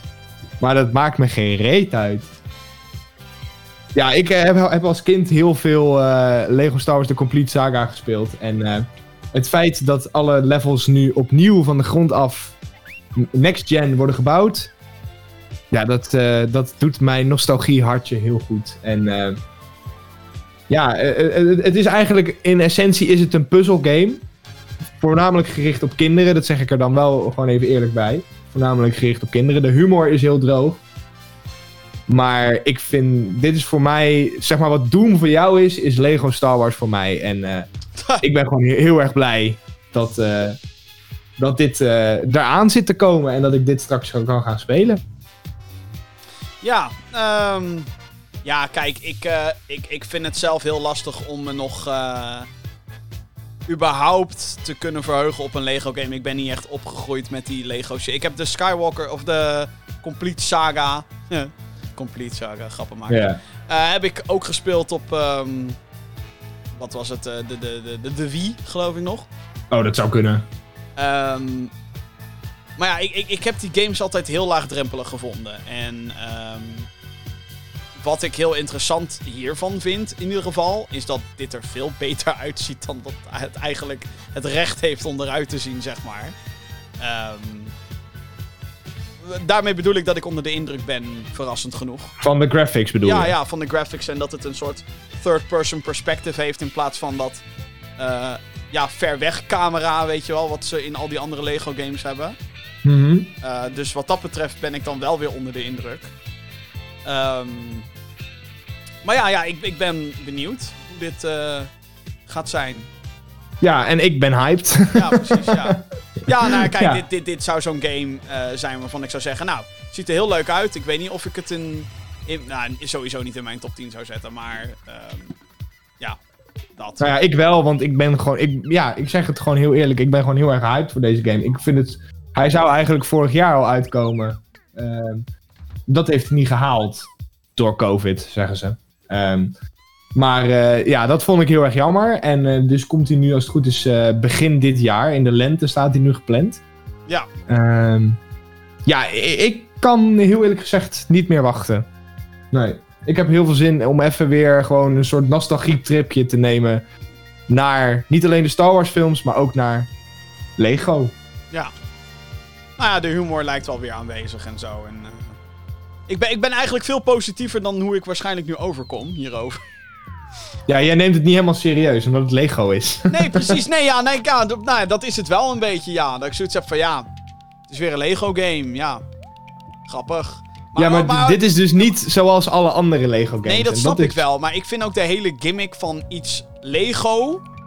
Mm En zeker in combinatie met Star Wars. Hebben we dat inmiddels nou wel gewoon niet gezien? Weet je wel? Ik heb zoiets van, ja... Godsamme. Je komt dan met een, kom dan met een fucking vol-aan Lego Doctor Who. Ik weet het, zal veel minder verkopen, maar alsnog. Sterker nog, kom gewoon met een goede Doctor Who game eerst. Wat dacht je daarvan? Maar mm -hmm. ja, gewoon, ik, ik, vond dat hele Lego Dimensions. Ik vind het eigenlijk bijna jammer dat dat zo hard geflopt heeft. Want dat, was, Ja. dat vond ik echt vet, dat Lego Dimensions gebeuren. Dat je gewoon echt alles bij elkaar kon flikkeren. En dat je weet ik hoeveel expansions kon uitbrengen in de vorm van daadwerkelijk Lego. Fysiek Lego, weet je wel, wat dan op zo'n scanner moet doen en zo. Dat vond ik heel Ja. vet. Eh, en ik snap wel dat dat... Aan de ene kant snap ik waarom het gefaald heeft, want ze waren gewoon te laat. Met eh, de, de Toys to Life shit. Ja. Maar ja, en dan gaan ze weer Lego games maken, apart. En dan denk ik, ja, wel weer Star Wars. En dan denk ik, maak dan Lego The Mandalorian of zo, weet je wel? Die, eh, die komt er wel trouwens, Lego The Mandalorian. Serieus? Die komt in deze game. Ja, er wordt een soort Oh. expansion pack uitgebracht met The Oh. Mandalorian. Oh, oké. En, eh, en met Solo, geloof ik, en ook met Rogue One. Dus die komen nog wel in de game, maar of er ook echt levels van komen, dat weet ik niet. Ja, dat hoop ik dan toch wel. Dat lijkt me dan toch wel... De characters komen in ieder geval wel in de ja, game. de characters. Ja, oké. Maar ik verwacht wel dat The Mandalorian sowieso nog wel een expansion zal krijgen. Maar ja, het is geen Star Skywalker saga. Nou goed, Luke, eh, nou ja, spoilers. Spoilers! Anyway, mijn nummer 2, dames en heren. Eh, Ja. Van de games waar ik het me meest op verheug in, eh, in 2021. Dit is er eentje die... eh, Oh, man. Het is Resident Evil Village. Ook wel bekend als gewoonweg Resident Evil 8. Althans, zo zou ik hem graag gewoon willen omschrijven. De logo zegt ook 8. Ja. Ehm, ja, het is de het nieuwe gewoon 8. het is de nieuwe Resident Evil, dames en heren. Het is de nieuwe mainline Resident Evil game. Ehm, het wordt weer een first person Resident Evil game. Eh, Resident Evil 7 was fucking creepy. Daarom ben ik er nog niet heel ver in. Ik weet dat ik... eh, ja, nee, er zit zoveel druk op mij, jongen. Want ik moet nog gewoon... Ik moet de Resident Evil 3 remake nog spelen. En ik moet eigenlijk echt wel gewoon Resident Evil 7 spelen... voordat ik hier aan ga, natuurlijk. I get it. Maar wat ik, eh, wat, wat- waar ik ontzettend benieuwd naar ben... eh, of wat ik heel erg vet vind van Resident Evil Village... is dat het dus de creepiness pakt van 7. Dus first person. En alles komt in je face. En het, het speelt heel erg met de perceptie van wie is je vriend en wie is je vijand. Dat deed 7 ook al. Zelfs in, de eerste, in het eerste uur doet dat het al eigenlijk. Eh, want je Mhm. gaat naar... eh, In 7 ga je naar een huis toe om je vriendin te zoeken. En je vriendin wordt soms helemaal lijp en valt je gewoon aan. En dat is fucking creepy als dat gebeurt. Maar hier schijnt het dus ook zo te zijn dat... Je ziet mensen soms transformeren in dingen, maar achteraf weet je niet of dat echt is of niet. En dat soort Silent Hill-achtige shit vind ik heerlijk. Eh, Ja, ja. i- Als ze dat gebruiken in een horror game. En ehm, dat gaat Resident Evil 8 doen. En daarnaast, waar de setting me heel erg ook aan deed denken. eh, je zag op, op een gegeven moment een groot kasteel op de achtergrond. Dat deed me zo denken aan Resident Evil 4. eh, dat ik echt het idee heb dat ze die richting ingaan qua toon. En eh, Resident Evil 4 had ook dorpjes. Huh? Village. Eh? En een kasteel op een gegeven moment. Ehm, sterker nog, misschien is dit wel hetzelfde gebied als 4. Ik heb geen idee. Zou Maar kunnen. Het zou zomaar kunnen.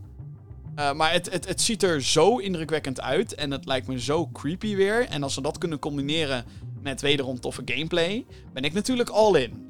Eh, en het is de nieuwe mainline Resident Evil. En, en daar waar Resident Evil natuurlijk eh, voor een tijd een soort van Michael Bay werd, na deel 4, werd het een soort van Resident Michael Bay vol.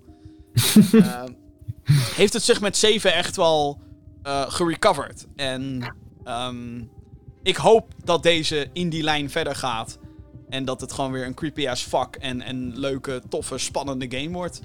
Waar ik misschien wel weer met Vincent tot de bank, weet je, gaan we weer samen er doorheen. En dan, oh, ik vind dit creepy, maar wil jij het spelen? Nee, wel, nee, wel, niet. Blablabla. En dat. Ja, nou ja, ik, eh, het is een horror game, dus is het niet voor mij. dus eh, ja, ik ga deze niet spelen, maar ik snap wel dat je hier eh, hyped voor bent. Ja, Ja. ik snap dat deze op nummer 2 staat. Ja. Ja, komt trouwens, eh weten nog niet wanneer die uitkomt. 2021 dat wel. Komt voor PC, PlayStation 4, PlayStation 5, Xbox One en Xbox Series X. Natuurlijk, hè. Is wel eh, logisch, denk ik. Spannend. Spannend. Oké, ik doe alvast eerst even mijn nummer 1. Want ik denk dat we beide wat meer te zeggen hebben over jouw nummer 1, zeg maar. Ja, ja, Want ja die zou dat is bij- goed. Die zou bij mij ook heel eh, hoog hebben gestaan. Eh, mijn nummer 1 is Shadow Warrior 3. Ja, ja. Oké, oké. Ja, ja. Ehm, Shadow Warrior is een franchise die begon in de jaren 90. Boomer Shooter, zijn we weer, hallo. Eh, en is in 2013 gereboot eh, door eh, Devolver Digital, die deze ook uitgeeft. En volgens mij zijn dit ook Polen. Flying Wild Hawk is volgens mij ook een Poolse studio. Er zitten er toch daar een paar getalenteerde mensen daar, jongens. Dat is niet normaal.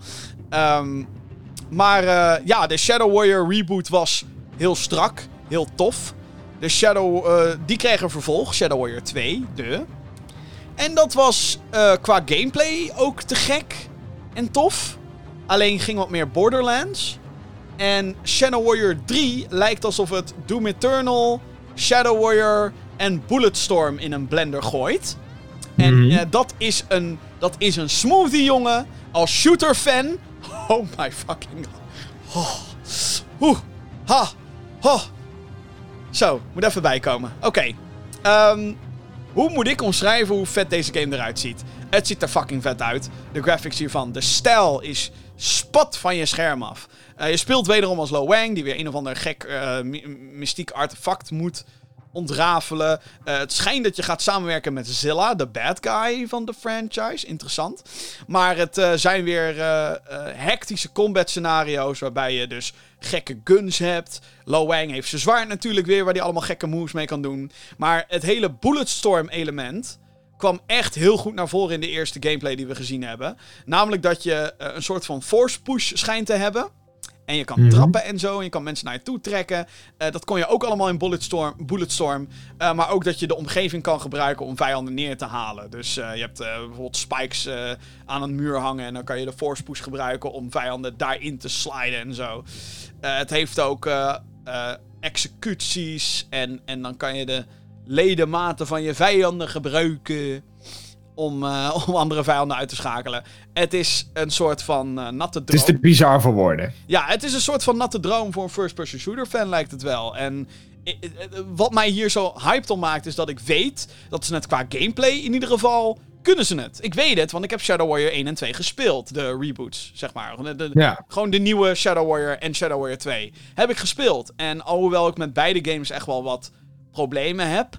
Shadow Warrior 2 be- probeerde bijvoorbeeld een Borderlands te zijn. En ik vond dat niet passen in hè, hoe de gameplay werkt. Ik bedoel, het Ja. werkte wel en zo. Maar ik had veel liever in die game gewoon lekkere, strakke levels gehad. In plaats van, ja, wat ze daar probeerden met soort van random elementen in levels en loot en zo. Nee joh, geef me gewoon een vette shotgun. En geef me, hè, la- la- maak balans door het niet random te maken, zeg maar.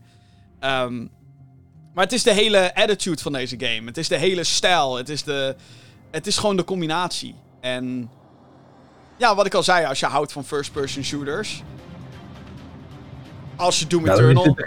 Als je Doom Eternal leuk vond, dan is dit toch wel echt de game om in de gaten te houden. Dus eh, Ja, zeker weten. Ja. eh, ja, Shadow Warrior 3. Devolver Digital. Wanneer in 2021, geen idee. Komt voorlopig alleen nog naar PC. En ik kan me zo voorstellen dat als hij naar consoles komt, dat dat dan enkel de next gen eh, zal zijn. Het is overigens, en dat vind ik ook wel ergens jammer, het zal de laatste Shadow Warrior zijn, game zijn door Flying Wild Hawk. Eh, eh, of ze moeten een of andere deal zien te maken, want de developer zelf is overgekocht door THQ Nordic. Ehm, of in ieder geval de Embracer Group, het moederbedrijf. Eh, dus ik denk dat dit eh, de laatste gaat zijn. Maar, Ja, of, eh, of ze moeten dus hè, een, eh, een Back for Blood doen en gewoon dezelfde game gaan maken, maar met een andere naam. Nou ja, ik weet wel dat de studio ook meer... Die is bezig met meer eh, games. Eh, er was er eentje tijdens de Game Awards die ook werd aangekondigd. Evil West. Ja. Eh, dus, dus de, en dat gaat ook een first-person shooter worden. Dus daar heb ik automatisch ook weer heel veel zin in. Omdat het dezelfde ontwikkelaar is. Mhm. Ehm, maar ja, dat is dan een andere uitgever ook meteen. Dus eh, ik weet niet echt hoe dat gaat werken. Maar ik denk dat dit een geweldige game gaat worden. Als ik de gameplay zie en als ik weet wat die gasten kunnen. Oeh, zin in. ja, Typische gym game, dat wel, maar zin in. nou dat mag. Ja, dat mag ook, vind ik ook. Oké, nou. Jeppie. Ja. Eh, de nummer 1, die ik... eh, nou ja, ik had deze ook gewoon kaart in mijn lijstje gezet. Ehm, Ook op één? nou, dat weet ik niet. Ja, je, weet hoe ik denk over Horizon en zo, waar we het al uitgebreid over hebben gehad. Ja, en God of War. Ja, precies. Ik, eh, ja. ik, ik heb zeg maar heel veel rekening met jou gehouden. Ik gaf jou zeg maar gewoon, oké, jij komt met je lijstje, dan pas ik mij daarop. ik, mocht, eh, ik mocht vrij spel. Mocht. Precies, ja, ja. En dat vind, ik, vind ik helemaal niet erg. Vind ik helemaal niet erg. Maakt het wat Ik mij niet. betreft ook juist interessanter, vind ik ook. Ehm, ja, eh, Nummer 1. de nummer 1, 1, 1, 1. Skull and Bones. Yay! Ja, te gek. Oh, wacht. Nee, shit. Oh, wat een goede game. Hè? Dat breekt de regels. Oh ja, kut, want we hebben geen datum. We hebben geen datum. Kut. Moeten we, Kut, dan, ehm, snel iets anders verzinnen. Snel, snel. moeten we dan Beyond Good and Evil Oh. doen? Nee, nee, nee, nee, nee. Ik weet een goeie. Ik weet een goeie. Oh, welke dan? Hogwarts Legacy. Oh! Oh. Wat een interessante keuze. Ja, nee, Ja. serieus. Ja, Hogwarts Dames en Legacy. Oh man. Harry Gewoon die Potter. muziek alleen alweer, hè. Ja, dit is van de oude Harry Potter game, jongens. Godsamme. Beter doen ze dit erin gewoon. Dat zou wel echt heel lauw zijn. Dat zal echt gruwelijk zijn, ja. Nee, Hogwarts Legacy is, eh, ja, ik denk eh, de natte droom voor elke Harry Potter fan. Harry Potter? Ehm, jij kan je eigen karakter gaan maken. Jij kan gesorteerd worden in een Hogwarts huis. En jij kan een verhaal gaan beleven wat zich afspeelt voordat Harry Potter op school komt. Dus eh, in de 1800 ongeveer. Ja, de 19e eeuw. In een open wereld. Dus niet alleen op Hogwarts, maar ook eh, de omgeving daaromheen. Oh my god. En eh, ja, eh, eh, ik denk dat ik veel meer dan dat niet hoef te zeggen om je hyped te maken. Nou ja, het is wel interessant, want er is natuurlijk best wel wat... eh, eh, het enige wat we nog hebben gezien is een trailer. Waarbij volgens mij wel echt snippets van gameplay in waren. Ja, kleine Eh, snippets inderdaad. Kleine ja. snippets. Ehm, maar ja, dit is natuurlijk iets wat Potter-fans al weet ik hoe lang wilden sinds dat de films eh, zijn afgelopen, zeg maar. We, we willen gewoon een big budget, ja, Potter-game. Ja, en dit ja. is hem, weet je wel. En het is, het is inderdaad dan niet tijdens de Harry Potter-era zelf. Eh, ik weet dat heel veel mensen zoiets hebben van waarom. Want ik wil juist Professor Snape en ik wil juist Dumbledore en ik wil, weet je wel, bla bla bla bla bla. Maar wat ze hiermee doen eigenlijk, is dat ze hiermee het team eh, die de game maakt, juist alle vrijheid geven. Om gewoon te doen met de Potterverse wat ze maar willen. Ja. Eh, het enige risico natuurlijk is dat je niet, ja, he who must not be named erin kan doen.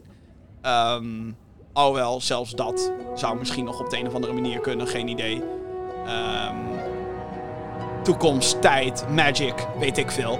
Maar het ziet er zo fucking vet uit. En eh, eh, om inderdaad Zwijnstein en alle omgevingen daaromheen te kunnen ontdekken. En in een, in een digitale. het- het- volgens mij is het nog. no- Volgens mij denkt iedereen. Fuck. Een game over een school zou toch hartstikke kut zijn. Behalve Hogwarts. Ja, En- ja, maar echt. Maar gewoon. Ook dit is weer zoiets van: waarom was dit er nog niet? Zeg maar, want dit is inderdaad waar Harry Potter fans al zo lang om smeken. Van wij willen gewoon een echt vette. Kijk, want de oude games natuurlijk, die zijn gewoon. Die zitten bij heel veel mensen goed in hun hart, zeg maar. Die vinden ze helemaal te gek. Ja. Maar het is natuurlijk. Het speelt gewoon eh, de films af in essentie. En dit is een or- origineel verhaal. Je speelt als jezelf of een karakter wat je zelf kan creëren. Je kan je eigen pad bewandelen en ehm, je, hoeft, je, je, je bent inderdaad niet gebonden aan ehm, wat de films al hebben laten zien. Ja, eh Hogwarts moet natuurlijk wel een grotendeels hetzelfde blijven, maar alles daar, daaromheen niet. En eh, ik denk dat dat een hele goede stap is geweest. Net als bij Marvel's Avengers. Ehm, ondanks dat die game kaart geflopt is, was het idee van een origineel verhaal wel een goed idee. Ja. En ehm, ja, ook hier sta ik er volledig achter. En denk ik van, eh, ik kan echt niet wachten tot deze uitkomt. En eh, om zelf door Hogwarts heen te lopen. Want dat is toch eigenlijk de droom van elke Harry Potter fan. Ja, als, eh, als ze de gameplay nailen, wordt, gaat dit een, een hit worden waar je u tegen zegt. Game of the Year contender. Eh, ik nou, zeg het ik alvast. denk voor heel veel wel, ja. ja en het is een... eh, eh, dit kan zowaar de deuren openen voor een, een hele lijn aan nieuwe Harry Potter games. Ja. Waar denk ik heel veel mensen niks op tegen zouden hebben als die zouden komen. Dus, Nee, dan denk ik serieus ook niet. Ik, ik ben nu toevallig met mijn, met mijn vriendin alle Harry Potter films aan het kijken. Want Harry Potter, hè? die heeft ze nog nooit gezien. Dus ik zei, die gaan we kijken. En zij zei ook van, eh, is, er niet, eh, is, er niet, is er geen Harry Potter game? En toen zei ik, nou ja, er zijn er wel van eh tig jaar geleden, maar geen recente. En toen zei ze, oh, oh dat, die- dat die er niet is. En toen liet ik haar die trailer zien ehm, van Hogwarts Legacy. En toen zei ze meteen, dit wil ik hebben. Dit wil ik spelen. Dit moet, dit moet ik spelen, ja. En ik denk dat heel veel mensen daar hetzelfde over denken. En ik ook, want hey, ik ben opgegroeid met de films. weet je wel, dit is gewoon... Ja, wa- wat je al omschreef. Vroeger hadden we die games. En waarom is er geen next gen daarvan? We krijgen het! We krijgen het Ja. gewoon. Heel goed, onze gebeden zijn gehoord. Ja, het komt in ieder geval ergens dit jaar naar PC, PlayStation 4, PlayStation 5, Xbox One en Xbox Series X slash S. Hey. Oh, Harry Potter. Harry bloody fucking Potter. Heb jij een vraag voor de show? Mail naar podcast.gamergeeks.nl Al met al moet ik zeggen. Ik, ik vind dat we een aardig lijstje hebben zo. Ja, dat denk Dat- ik ook. Moeten we het nog even samenvatten trouwens? Misschien is dat handig. Oké. Misschien wel, hè? Even. Ja. Eh, ja, lijkt me wel even een goed idee. Ja. Eh, nummer 10. eh Deathloop en of Ghostwire. Alles is en of, zeg maar. Ja. Nummer 10. Deathloop en Ghostwire Tokyo. Nummer 9. Super Mario 3D World plus Bowser's Furies. Of Graven. Die verneukte ik helemaal die naam, sorry. Nummer 8. Hitman 3 of God of War Ragnarok. Vraagteken. Weet eigenlijk niet eens hoe die game heet. Nummer 7. Back for Blood en of Hood, Outlaws and Legends. Nummer 6. Horizon Forbidden West en of Proteus. Nummer 5. Little Nightmares 2 en of Kena Bridge of Spirits. Oh, mooie game. Nummer 4. Ratchet Clank Rift Apart en of It Takes Two. Nummer 3. Far Cry 6 en of Dying Light 2. Cheating. Eh, nummer 2. Lego Star Wars The Skywalker Saga. Waarom? En of Resident Evil Village. En nummer 1. Shadow Warrior 3 en of... Eigenlijk de echte winnaar. Hogwarts Legacy. Goed, dat. Heb jij een vraag voor de show? Nee. Mail naar podcast.gamergeeks.nl Ja, geloof het of niet, maar we hebben dus nog wat mailtjes. Eh, beste Gamer Geeks, ik heb voor jullie twee aanraders voor 2021. De eerste is, waarom heb ik het idee dat we deze al beide benoemd hebben? Ja, hebben we al. De eerste is Ratchet Clank Rift Apart, want met deze game kan je pas echt zien wat de PlayStation 5 in huis heeft. De tweede aanrader is Lego Star Wars The Skywalker Saga. Ik vind het zo gaaf dat ze met deze game als eh, alle mainline Star Wars films gaan verwerken in de Lego wereld. Ik ben benieuwd waar jullie allemaal naar uitkijken in 2021. Groetjes van Mitch. Jij snapt het, Mitch. Jij hebt twee hele goede games uitgepikt. Ja, ik vind dat je één hele goede game hebt. eh.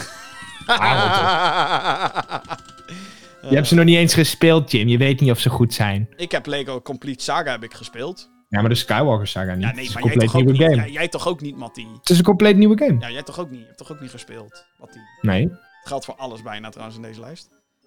Ik heb wel de demo van Lil. Nou ja, goed. Eh, allemaal over gehad. Anyway, eh, ja, dan hebben wij een mailtje van the one and only. Daar is die weer. Yo, yo, yo, yo, yo, Helly. Even kijken hoor. Eh, hallo meneer Gamergeeks podcast host Jim en Jeppie. Ik heb 474 nummers in mijn top 450 staan. Combo gameplay co-host. Ja, dat moet ik misschien even uitleggen. Ik, Wat? ik, heb een play, ik heb een playlist op Spotify en die heet de Jespers Top 450. Maar daar- er staan 474 nummers in. Een beetje zoals wij een top 10 hebben, maar we hebben er eigenlijk 20. Ja, en eh, dat komt omdat ik gewoon niet eh, zin heb om elke keer die titel aan te passen. Dus als ik bij de 500 ben, dan wordt het de Jesper Top 500. Waarom noem je het niet gewoon top liedjes van Jesper? Ja, gewoon niet. Oké. Omdat ik graag een getal erin wilde hebben, maar ik wil hem eigenlijk niet de hele Ah, tijd updaten. Ik heb namelijk per jaar heb ik een Spotify lijstje. En het is heel Nee, ik confronterend. heb één hele grote, heb ik. Ja, nou, ik heb dus per jaar een Spotify lijstje. En het is heel confronterend om te zien. Want ik begon daarmee in 2012. Dat heette, of dat heet nog steeds, Fijne Liedjes 2012. En dus blablabla, nu zijn we bij Fijne Liedjes 2021. Holy shit. Jesus Christ. Ja, dat is best wel heel erg confronterend. Maar goed, uh, Helly kon er dus niet zo goed tegen dat ik uh, ja, meer nummers dan mijn titel in de naam heb staan. Maar ik heb zoiets van, hoe de fuck cares? Want ik ben de enige die luistert naar die lijst. Nou ja, kennelijk heeft Helly wel interesse. Ah, schijnbaar. hey, doe even volgen, uh, Helly. Uh, anyway, Helly, die daar dus over klaagt, die zegt ook: Ik heb een vraag voor de Gaming Geeks podcast. Heb je als luisteraar nou ook vragen? Stuur dan een mailtje naar podcast.gaminggeeks.nl. Ik had dit van tevoren moeten lezen. oh, wat een goede, goede mailtje. Uh, of kom op exact het juiste tijdstip, maar pas na de lockdown naar de plaats van opname en stel de vraag live door vanaf buiten op straat heel hard te schreeuwen. Als je dat doet, Applaus. applaus. Ja. In Amerika was het uh, afgelopen gezellig druk. Dus, ja, dit is de zin. In Amerika was het afgelopen gezellig druk bij het Capitol en de politie deed helemaal niets. Jezus Christus.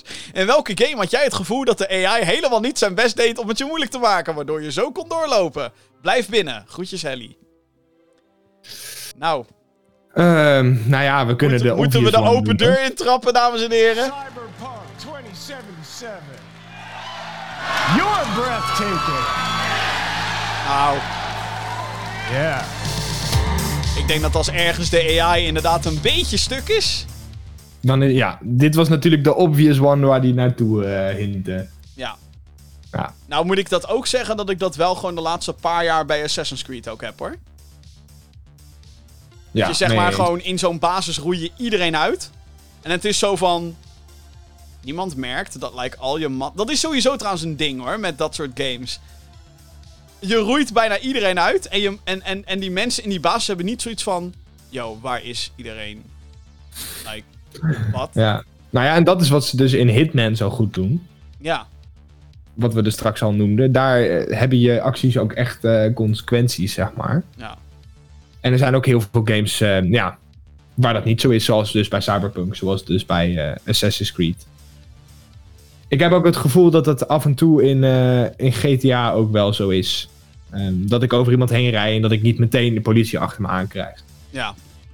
Maar als ik drie mensen overheen rijd, dan wel. Ja, precies. Ja, als je net die grens overschrijdt, dan, eh, Ja, dan gaat het weer te ver of zo, weet je wel? dat gaat te ver. Gaat te ver. Ja, nee, ik, eh, ik, ik snap je helemaal. Het is een. ehm, Ja, het, het, het is zo'n. Het is zo'n soort van element in een game waarvan je zou zeggen, ja, maar daar let je toch op. Maar ja, dat- kennelijk niet of zo. Developers zijn er nog helemaal niet mee bezig, lijkt het wel. Nou ja, of het is te ingewikkeld Ja, voor ze. Dat zou ook nog kunnen natuurlijk. dat kan. Maar goed, dan denk je, CD Projekt Red was een van de grootste gamebedrijven van, eh, van deze planeet. Hoe hebben die het niet kunnen realiseren, zeg maar? Nou ja, dat is natuurlijk gewoon het jammerlijke in Cyberpunk 2077. Is dat, je, dat, dat er gewoon, gewoon bijna geen sprake is van AI in, in die game. En dat is. Nee, tot uh, luien aan toe. En ik wil niet zeggen dat mensen bij CD Projekt Red lui zijn. Maar ja, uh, volgens mij hebben we het er ook over gehad in deze show. Dat we uitgebreid. Ja, dat als je politie, uh, hè, als je de politie achter je aan hebt, de politiemensen kunnen niet in een auto stappen en jou achtervolgen. Waardoor je dus zo van de politie af bent. Politie spant gewoon. Uh, mensen staan nog steeds bij een crime scene die je bij wijze van drie jaar geleden al hebt opgelost, zeg maar. Het is zo, het is echt... Oh, dat is wel echt een van de grootste pijnpunten van Cyberpunk, hoor. Als, het, uh, als je het aan ja. mij vraagt. Maar dat is gewoon omdat ja, er gewoon helemaal geen systeem gebouwd is, zeg maar. Ja. Dus ja. Willen we nog een snelle minigame doen? Nou ja, hebben we daar nog fut voor? Dat is een beetje de vraag. Nou, laten we één snelle minigame doen dan. Oké, okay, eens heel snel. Nee, heel snel, heel snel, heel snel. Heel snel. Mailbox minigame. Je kan dus altijd een, uh, een minigame insturen via de mailbox. Een spel die jij zelf kan verzinnen. We hebben bijvoorbeeld al uh, de, de soundtrack raden hebben gehad. En nu hebben we een korte dit of dat volgens Ruben. Komt-ie. Een korte, hè? We moeten ja, dus kiezen. korte. Daar komt het neer. Risk of Rain 2 of Hades? Risk of Rain 2. Same. Ik ga ook voor Risk of Rain. Fuser of Guitar Hero? Weet je wat Fuser is überhaupt? Ja, ja, ja, dat is die DJ-game. Ja, dan moet je platen door elkaar mixen. En dan kan je bijvoorbeeld de drums van één nummer en de vocals van een ander nummer kan je door elkaar mixen. Best vet eigenlijk. Maar Ja. ik ga voor Guitar Hero. Ik ga ook voor Guitar Hero. Shadow Warrior 1 of 2? En dat is meteen al een soort van strikvraag. Want bedoel je met 1 dan de, het origineel of de reboot? Oeh. Ik denk Laten dat we ik, uitgaan van de reboot. Ja, ik eh, ga denk ik voor 1. Maar het is wel echt lang geleden sinds dat ik beide heb gespeeld. Maar ik ga denk ik voor 1. Beide niet gespeeld, dus ik ga voor één. Ja, juist. Eh, Ultimate Chicken Horse of Overcooked? Eh, volgens mij... Overcooked. Ik denk ook Overcooked, ja. Secret. Neighbor of Among Us? Secret Neighbor. Secret Neighbor, ook voor mij in dit geval. Horizon Zero Dawn of God of War? Horizon Zero Dawn, want ik heb God of War nog niet gespeeld. Ik ga... Oh, oh, ik, oh, oh, deze vind ik erg. Oh, dit is wel echt... Oeh. Ik denk dat ik voor God of War ga. God of War trekt me gewoon wat meer qua... eh, net wat meer qua actie en pacing, denk ik. Oeh, ik vind het wel... Oh, dit is wel kiezen tussen gewoon twee giganten, zeg maar. Maar ik Ja, denk dat ja. ik voor God of War ga. En als laatste, Resident Evil Revelations 1 of 2? Allebei niet gespeeld, dus ik ga voor één. Ik heb twee wel gespeeld, maar één niet. En ik vond twee best een beetje kut. Dus ik hoop dat één dan beter is. Ik ga voor één. Nou, toch aardig Nou, gedaan. Ja, top. Toch snel? Ja, toch? Toch snel. Daarmee zijn we bijna aan het einde gekomen van deze aflevering van de Gaming Geeks podcast. Maar niet voordat ik je heb verteld dat als jij nog niet geabonneerd bent op deze show, dat je dat dan natuurlijk even moet doen. Dat kan je doen via je favoriete podcast app waar je dit mogelijk al op luistert. Denk aan een Google Podcast, Apple Podcast of Spotify. Mocht je daar een recensie kunnen achterlaten, op Apple Podcast kan dat bijvoorbeeld, geef ons dan het hoogst haalbare. De 5 sterren of de 10 out of 10. Want daarmee komen we hoog in de hitlijsten. En hoe hoog in de hitlijst, hoe meer luisteraars. En hoe meer luisteraars, hoe meer we kunnen met deze show. Zo werkt het, hè. Ja. Ehm, wat nog meer? Oh ja, heb je dus een vraag voor de show? Podcast.gaminggeeks.nl Eh, Check gaminggeeks.nl voor de laatste GamerGeeks content behalve deze show. Eh, waar je, eh, maar daar kan je natuurlijk ook deze show vinden en ook de videoversie. Ja, ja, die kan je ook vinden op YouTube. YouTube.com slash gaminggeeks.nl Eh, Abonneer op dat YouTube kanaal als je dat nog niet bent. Want ehm, dat is ook tof. Daar vind je al onze videocontent. Dus te gek. Ehm Jeppie, bedankt. Geen probleem. Hij is weer veel langer uit eh, geworden dan ik eh, in eerste instantie had gedacht. Zoals het eigenlijk altijd. Altijd. Altijd. Welkom bij de wondere wereld van podcasting, waarbij dingen zo lang duren als dat je wilt, kennelijk. Of langer duurt dan dat je zou willen. Schijnbaar, ja. Ja, ja. Ik, ik weet ook niet waar het... Ja, ligt aan mij. Daar komt op neer. We hadden ook... Je hebt gewoon te veel te zeggen, vakertje. Dat is wel waar, ja. En ik, ik had natuurlijk... Nu denk ik ook... Hadden we nou godverdomme maar gewoon 10 games gedaan. Gewoon klaar, weet je wel. nou, nou, volgend jaar. Nou, ja, precies. We hadden nou weer 20. Nou goed. Ehm, volg ons op Twitter als je wil weten eh, eh, het laatste nieuws wat betreft onze streams. En wanneer we ook de Gaming Geeks podcast livestreamen, want dat streamen we ook altijd live. Eh, dat heb je ook weer in deze aflevering gehoord, de Twitch follow alert. Wat inmiddels ook een soort gimmick begint te worden. Maar goed. Ehm, tot zover de 158ste aflevering van de Gaming Geeks podcast. Hartstikke bedankt voor het luisteren, zoals altijd. En eh, heel graag tot de volgende keer. Doei! Snel, outro, speel af. Ja, dank u. Waar is het geluid? Waar is het fucking geluid van de fucking outro? Waarom doet hij het Eh, niet? Weg. Doen Weg. we, doen we doen hem zelf, ja? Ja, nee, wacht even. Ik ga het fixen. Oh. Wacht, wacht, wacht. Ja, kijk. Oké, dames en heren. Doei. Dat was hem. Doei. Huh.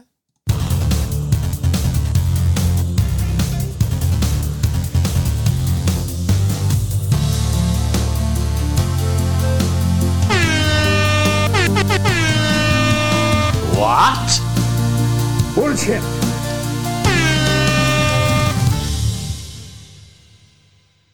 Extra flair aan het eind van de show. Niet te doen.